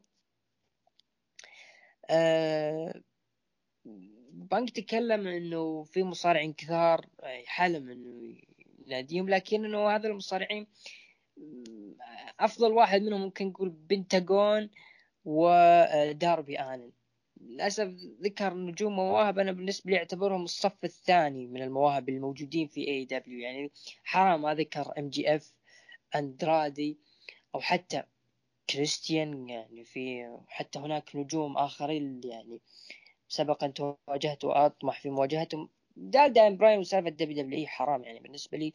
هذول النجوم أنا بالنسبة لي أحق بأنه سي ام بانك يواجههم. أو حتى يبدأ معهم بعداوات حتى إذا حصل وصل لي آه إذا بدأ يحارش ال Young Bucks أو حتى أنضم لهم. ما ذك هذا اللي زعلني في البروم يعني. براين بيلمان okay جنجل بوي okay كاركترات لكن MJF وأندرادي وملكاي بلاك آه هذول أهم بكثير من النجوم اللي ذكرتهم يا بانك ولا أستغرب إذا دخل بانك مع الحبيب ستينج كونهم أساطير النجوم يدخلون مع بعض. آه دانيال براين حرق بيظهر ما يظهر لا تعودنا مع من AEW نجوم كثير قاعدين يحرقون عروضهم ليش ليش قاعد يصير لو هو واحد بال WW كانوا يصيحون آه كيف تحرقون؟ واو إلى آخره. عموما خلف الكواليس ميرو يتوعد إيدي كينغستون. بعدها شفنا مباراة ما بين The Wingmen ضد فريق ديربي الن وجون ماكسلي وإيدي كينغستون وساندهم ستينج انتهت المباراة بانتصار فريق ديربي الن شفنا ستينج يجلد سيزار بنوني أنا ضحكت من شفت يجلده طبعا داني جارسيا جاء وهجم على ديربي الن وهرب. عصابة كيني اوميجا بالحلبة. دخل كريستيان كيج جلس آه كريستيان طقطق على دون كارس واوميجا وقال أنا أفضل منك. يا كريستيان طبعا يقصد اللي هو اوميجا يقصد كريستيان. أفضل منك بالسنين وطبعا دون كارس ذكر يعني أثناء ما ذكر اسم, اسم فنس مكمان بالأشخاص. واسم كريستيان يطقطق على اوميجا وعصب دون كارس قال تبي نتكلم عن العائلة؟ طبعا جلس يطقطق على عائلة ال Elite. وبدا يرمي ملابس دون كارس وقال راح تشوفوا ال اي أو All Out ما راح تبقى أفضل شخص وهجوم على كريستيان وجاء فرانكي كازاريان أنقذ كريستيان كيج وطلع. أه سين سؤال أنا بسألك سؤال هذا ممكن حساس. فترة كيني اوميجا حملوا لقب AEW مملة ولا؟ ما في خصوم؟ نفس أسلوب WW تكبير وتضخيم من الأبطال المركزين عليهم اللي هم رومان رينز وكيني أوميجا هذا التركيز والتضخيم أدى أنه زي ما قلت فيه ملل وفيه عدم تجديد من الأسلوب اللي قاعدين نشوفه أسبوعيا سواء من عروض AEW وحتى عروض WWE وتحديث سماك داون. لين ما حاولوا قاعدين الاثنين قاعدين يلفتون النظر بأنه دخلوا معهم مين؟ لما ذكروا اسم فينس ماكمان عشان الناس تقول أوه وش السالفة؟ خلاص بدأت الحرب بين الاثنين. ما انتبه والله يعني نص, الجم... نص الجمهور ما دروا هاي بس يعني محاوله مجانية بس علشان الناس يسحبون. أو لفت انتباه ل AEW خلاص يعني okay أنتوا عندكم بنك هو المفروض هو اللي يذكر اسم فينس مو أنتوا ولا انت ما في ولا واحد منكم له حق عند فينس عكس بنك. أصلا W WE ما قد يعني ذكرت اسم اتحاد اي دبليو إلا مرتين. مو مو مرتين بالاسم سامي زين و وش وتربيت يقول لا لا, آه لا لما ذكر سالفة الاتحاد مع الاتحادات. لا لما ذكر بأنه شو اسمه شو اسمه عصابة بيلي بيلي جن بيلي جن نعم بيلي جن. يمكن راح يشتري شركتك وزي كذا. رجع مرة ثلاث أنا أستغرب إنه ما زال AEW يرمي يرمي يرمي على WW منتري هذه المشكلة لو بنك هو اللي يتكلم عن بس أحسن. أتفق. طبعا بعدها شفنا عصابة الرنج ضد فريق The Factory okay كيوتي مارشيل. طبعا انتهت المباراة بانتصار في عصابة الرنج بعد ما تشتت كيوتي مارشيل من The Big Show بعدها ملكاي بلاك ضد بروك أندرسون انتهت المباراة بانتصار لملكاي بلاك بعد مباراة بلاك هاجم على آرن أندرسون وجلده والعرض انتهى بمشا... بمليون مشاهدة اللي هو مشاهدات بمليونين و وسبعين ألف مشاهد. رأيك بال main event؟ بروك أندرسون. مستقبل؟ ملكي بلاك من القادم له؟ آه، أعتقد إنه آه بروك أندرسون AEW تبغى تحاول إنه تخليه إنه هو الوريث الشرعي ل آرن أندرسون وهو البطل القادم لكن بالبداية ما أدري ليش هم بعدوا كودي رودز لفترة. فاعتقد إنه أول خصم له بعد يا رجال كودي كودي روز يوم يفوز عليه وجلس يبكي ويصيح. عموما عموما عطنا تقييمك للعرض آه أنا تجني مغص من كودي رودز. يقهر ذا الادمي نعطيه ستة أو سبعة. بالنسبة لي أنا أعطيه ستة من عشرة. تقييم المتابعين قيموا من تسعة لعشرة واحد وأربعين بالمية. من خمسة ثمانية قيموا بثمانية بالمية. أقل من خمسة قيموا بواحد وعشرين بالمية. مشكلتي مع كودي رودز مؤدي لكنه يبالغ يقلب هندي بالنظام أفلام إنه يبكي حالته حاله. نروح الهاشتاج طبعا راح نستعرض card All Out راح يقام يوم الأحد بتاريخ آه، اللي هو خمسة سبتمبر. آه، طبعا نروح عرض آه، الأسبوع. أفضل عرض أسبوع أبو عوف. شفته؟ آه سماك داون أفضل حظ بالنسبة لي. ما أدري أنا أشوف سماك داون وإي دبليو بالتساوي الجمهور قيموا AEW ب 46% يلي SmackDown ب 34% Raw و NXT بالتساوي ب 10% ندخل الآن ل card All Out اللي ممكن هذا ال card الأخير. خلينا نذكر المباريات و... والأسبوع المقبل راح نعطي توقعاتنا بإذن الله. طبعا المباراة الأولى على ال Casino Battle Royale الفائزة من أحد الحريم راح تاخذ فرصة على لقب AEW العالمي ضد اللي ما تسماش. عموما كريستيان كيج ضد كيني اوميجا على لقب AEW العالمي. آه PAC ضد أندرادي على المباراة العادية يعني normal بول وايت ضد QT آه آه بول, بول وايت. أنا ما أدري إيش سميته Big Show هنا. okay متعود على Big Show عموما بول وايت ضد QT Marshall مباراة فردية. طبعا ال Young Bucks ضد الفائز من المباراة النهائية اللي هم ما بين Jurassic Express Lucha Brothers اللي تكون مباراة على ألقاب الفرق ب steel cage. CM Punk ضد ديربي الان طبعا ستينج راح يكون مع ديربي الان كريس جيريكو ضد MJF. إذا خسر كريس جيريكو راح. راح ما راح يشارك ابدا بعروض AEW المباراة الثامنة ما راح أذكرها. المباراة الأخيرة اللي هو مباراة فردية جون موكسلي ضد سوت آه ساتوشي كوجيما. أتوقع كذا اسمه أنا عندي مشكلة مع الأسامي اليابانية. هذا بالنسبة للكارد. طبعا نصل الان إلى الختام. أي كلمة ختامية أبو عوف؟ آه، شكرا لكم اخواننا المستمعين. شكرا الاستاذ عبد الرحمن. شكرا لحسن استماعكم. آه يعني للأسف هذا آخر بودكاست في مو آخر بودكاست في البودكاست قصدي آخر بودكاست في الإجازة. آه الحمد لله اجازه إن شاء الله تكون استمتعتوا فيها مثل ما استمتعنا مع هذا البودكاست. مقبلين على فترة من الدراسة نتمنى الجميع التوفيق والنجاح والسداد في فترتهم الدراسية. وإن شاء الله تحصلون على الدرجات. آه هذا كل شيء بخصوص هذا الأسبوع. نراكم الأسبوع القادم في حلقة جديدة في الحلقة الثمانين من بودكاست الحلبة. شكرا لكم جميعا. نلقاكم على خير. في أمان الله. شكرا لك أبو عوف. ما قصرت. رغم التعب والألم قدرت تطلع معنا. ألف شكر لك. وما وما تشوف شر إن شاء الله. طبعا قبل ما نقفل حاب أرمي كلمة لأبو نواف.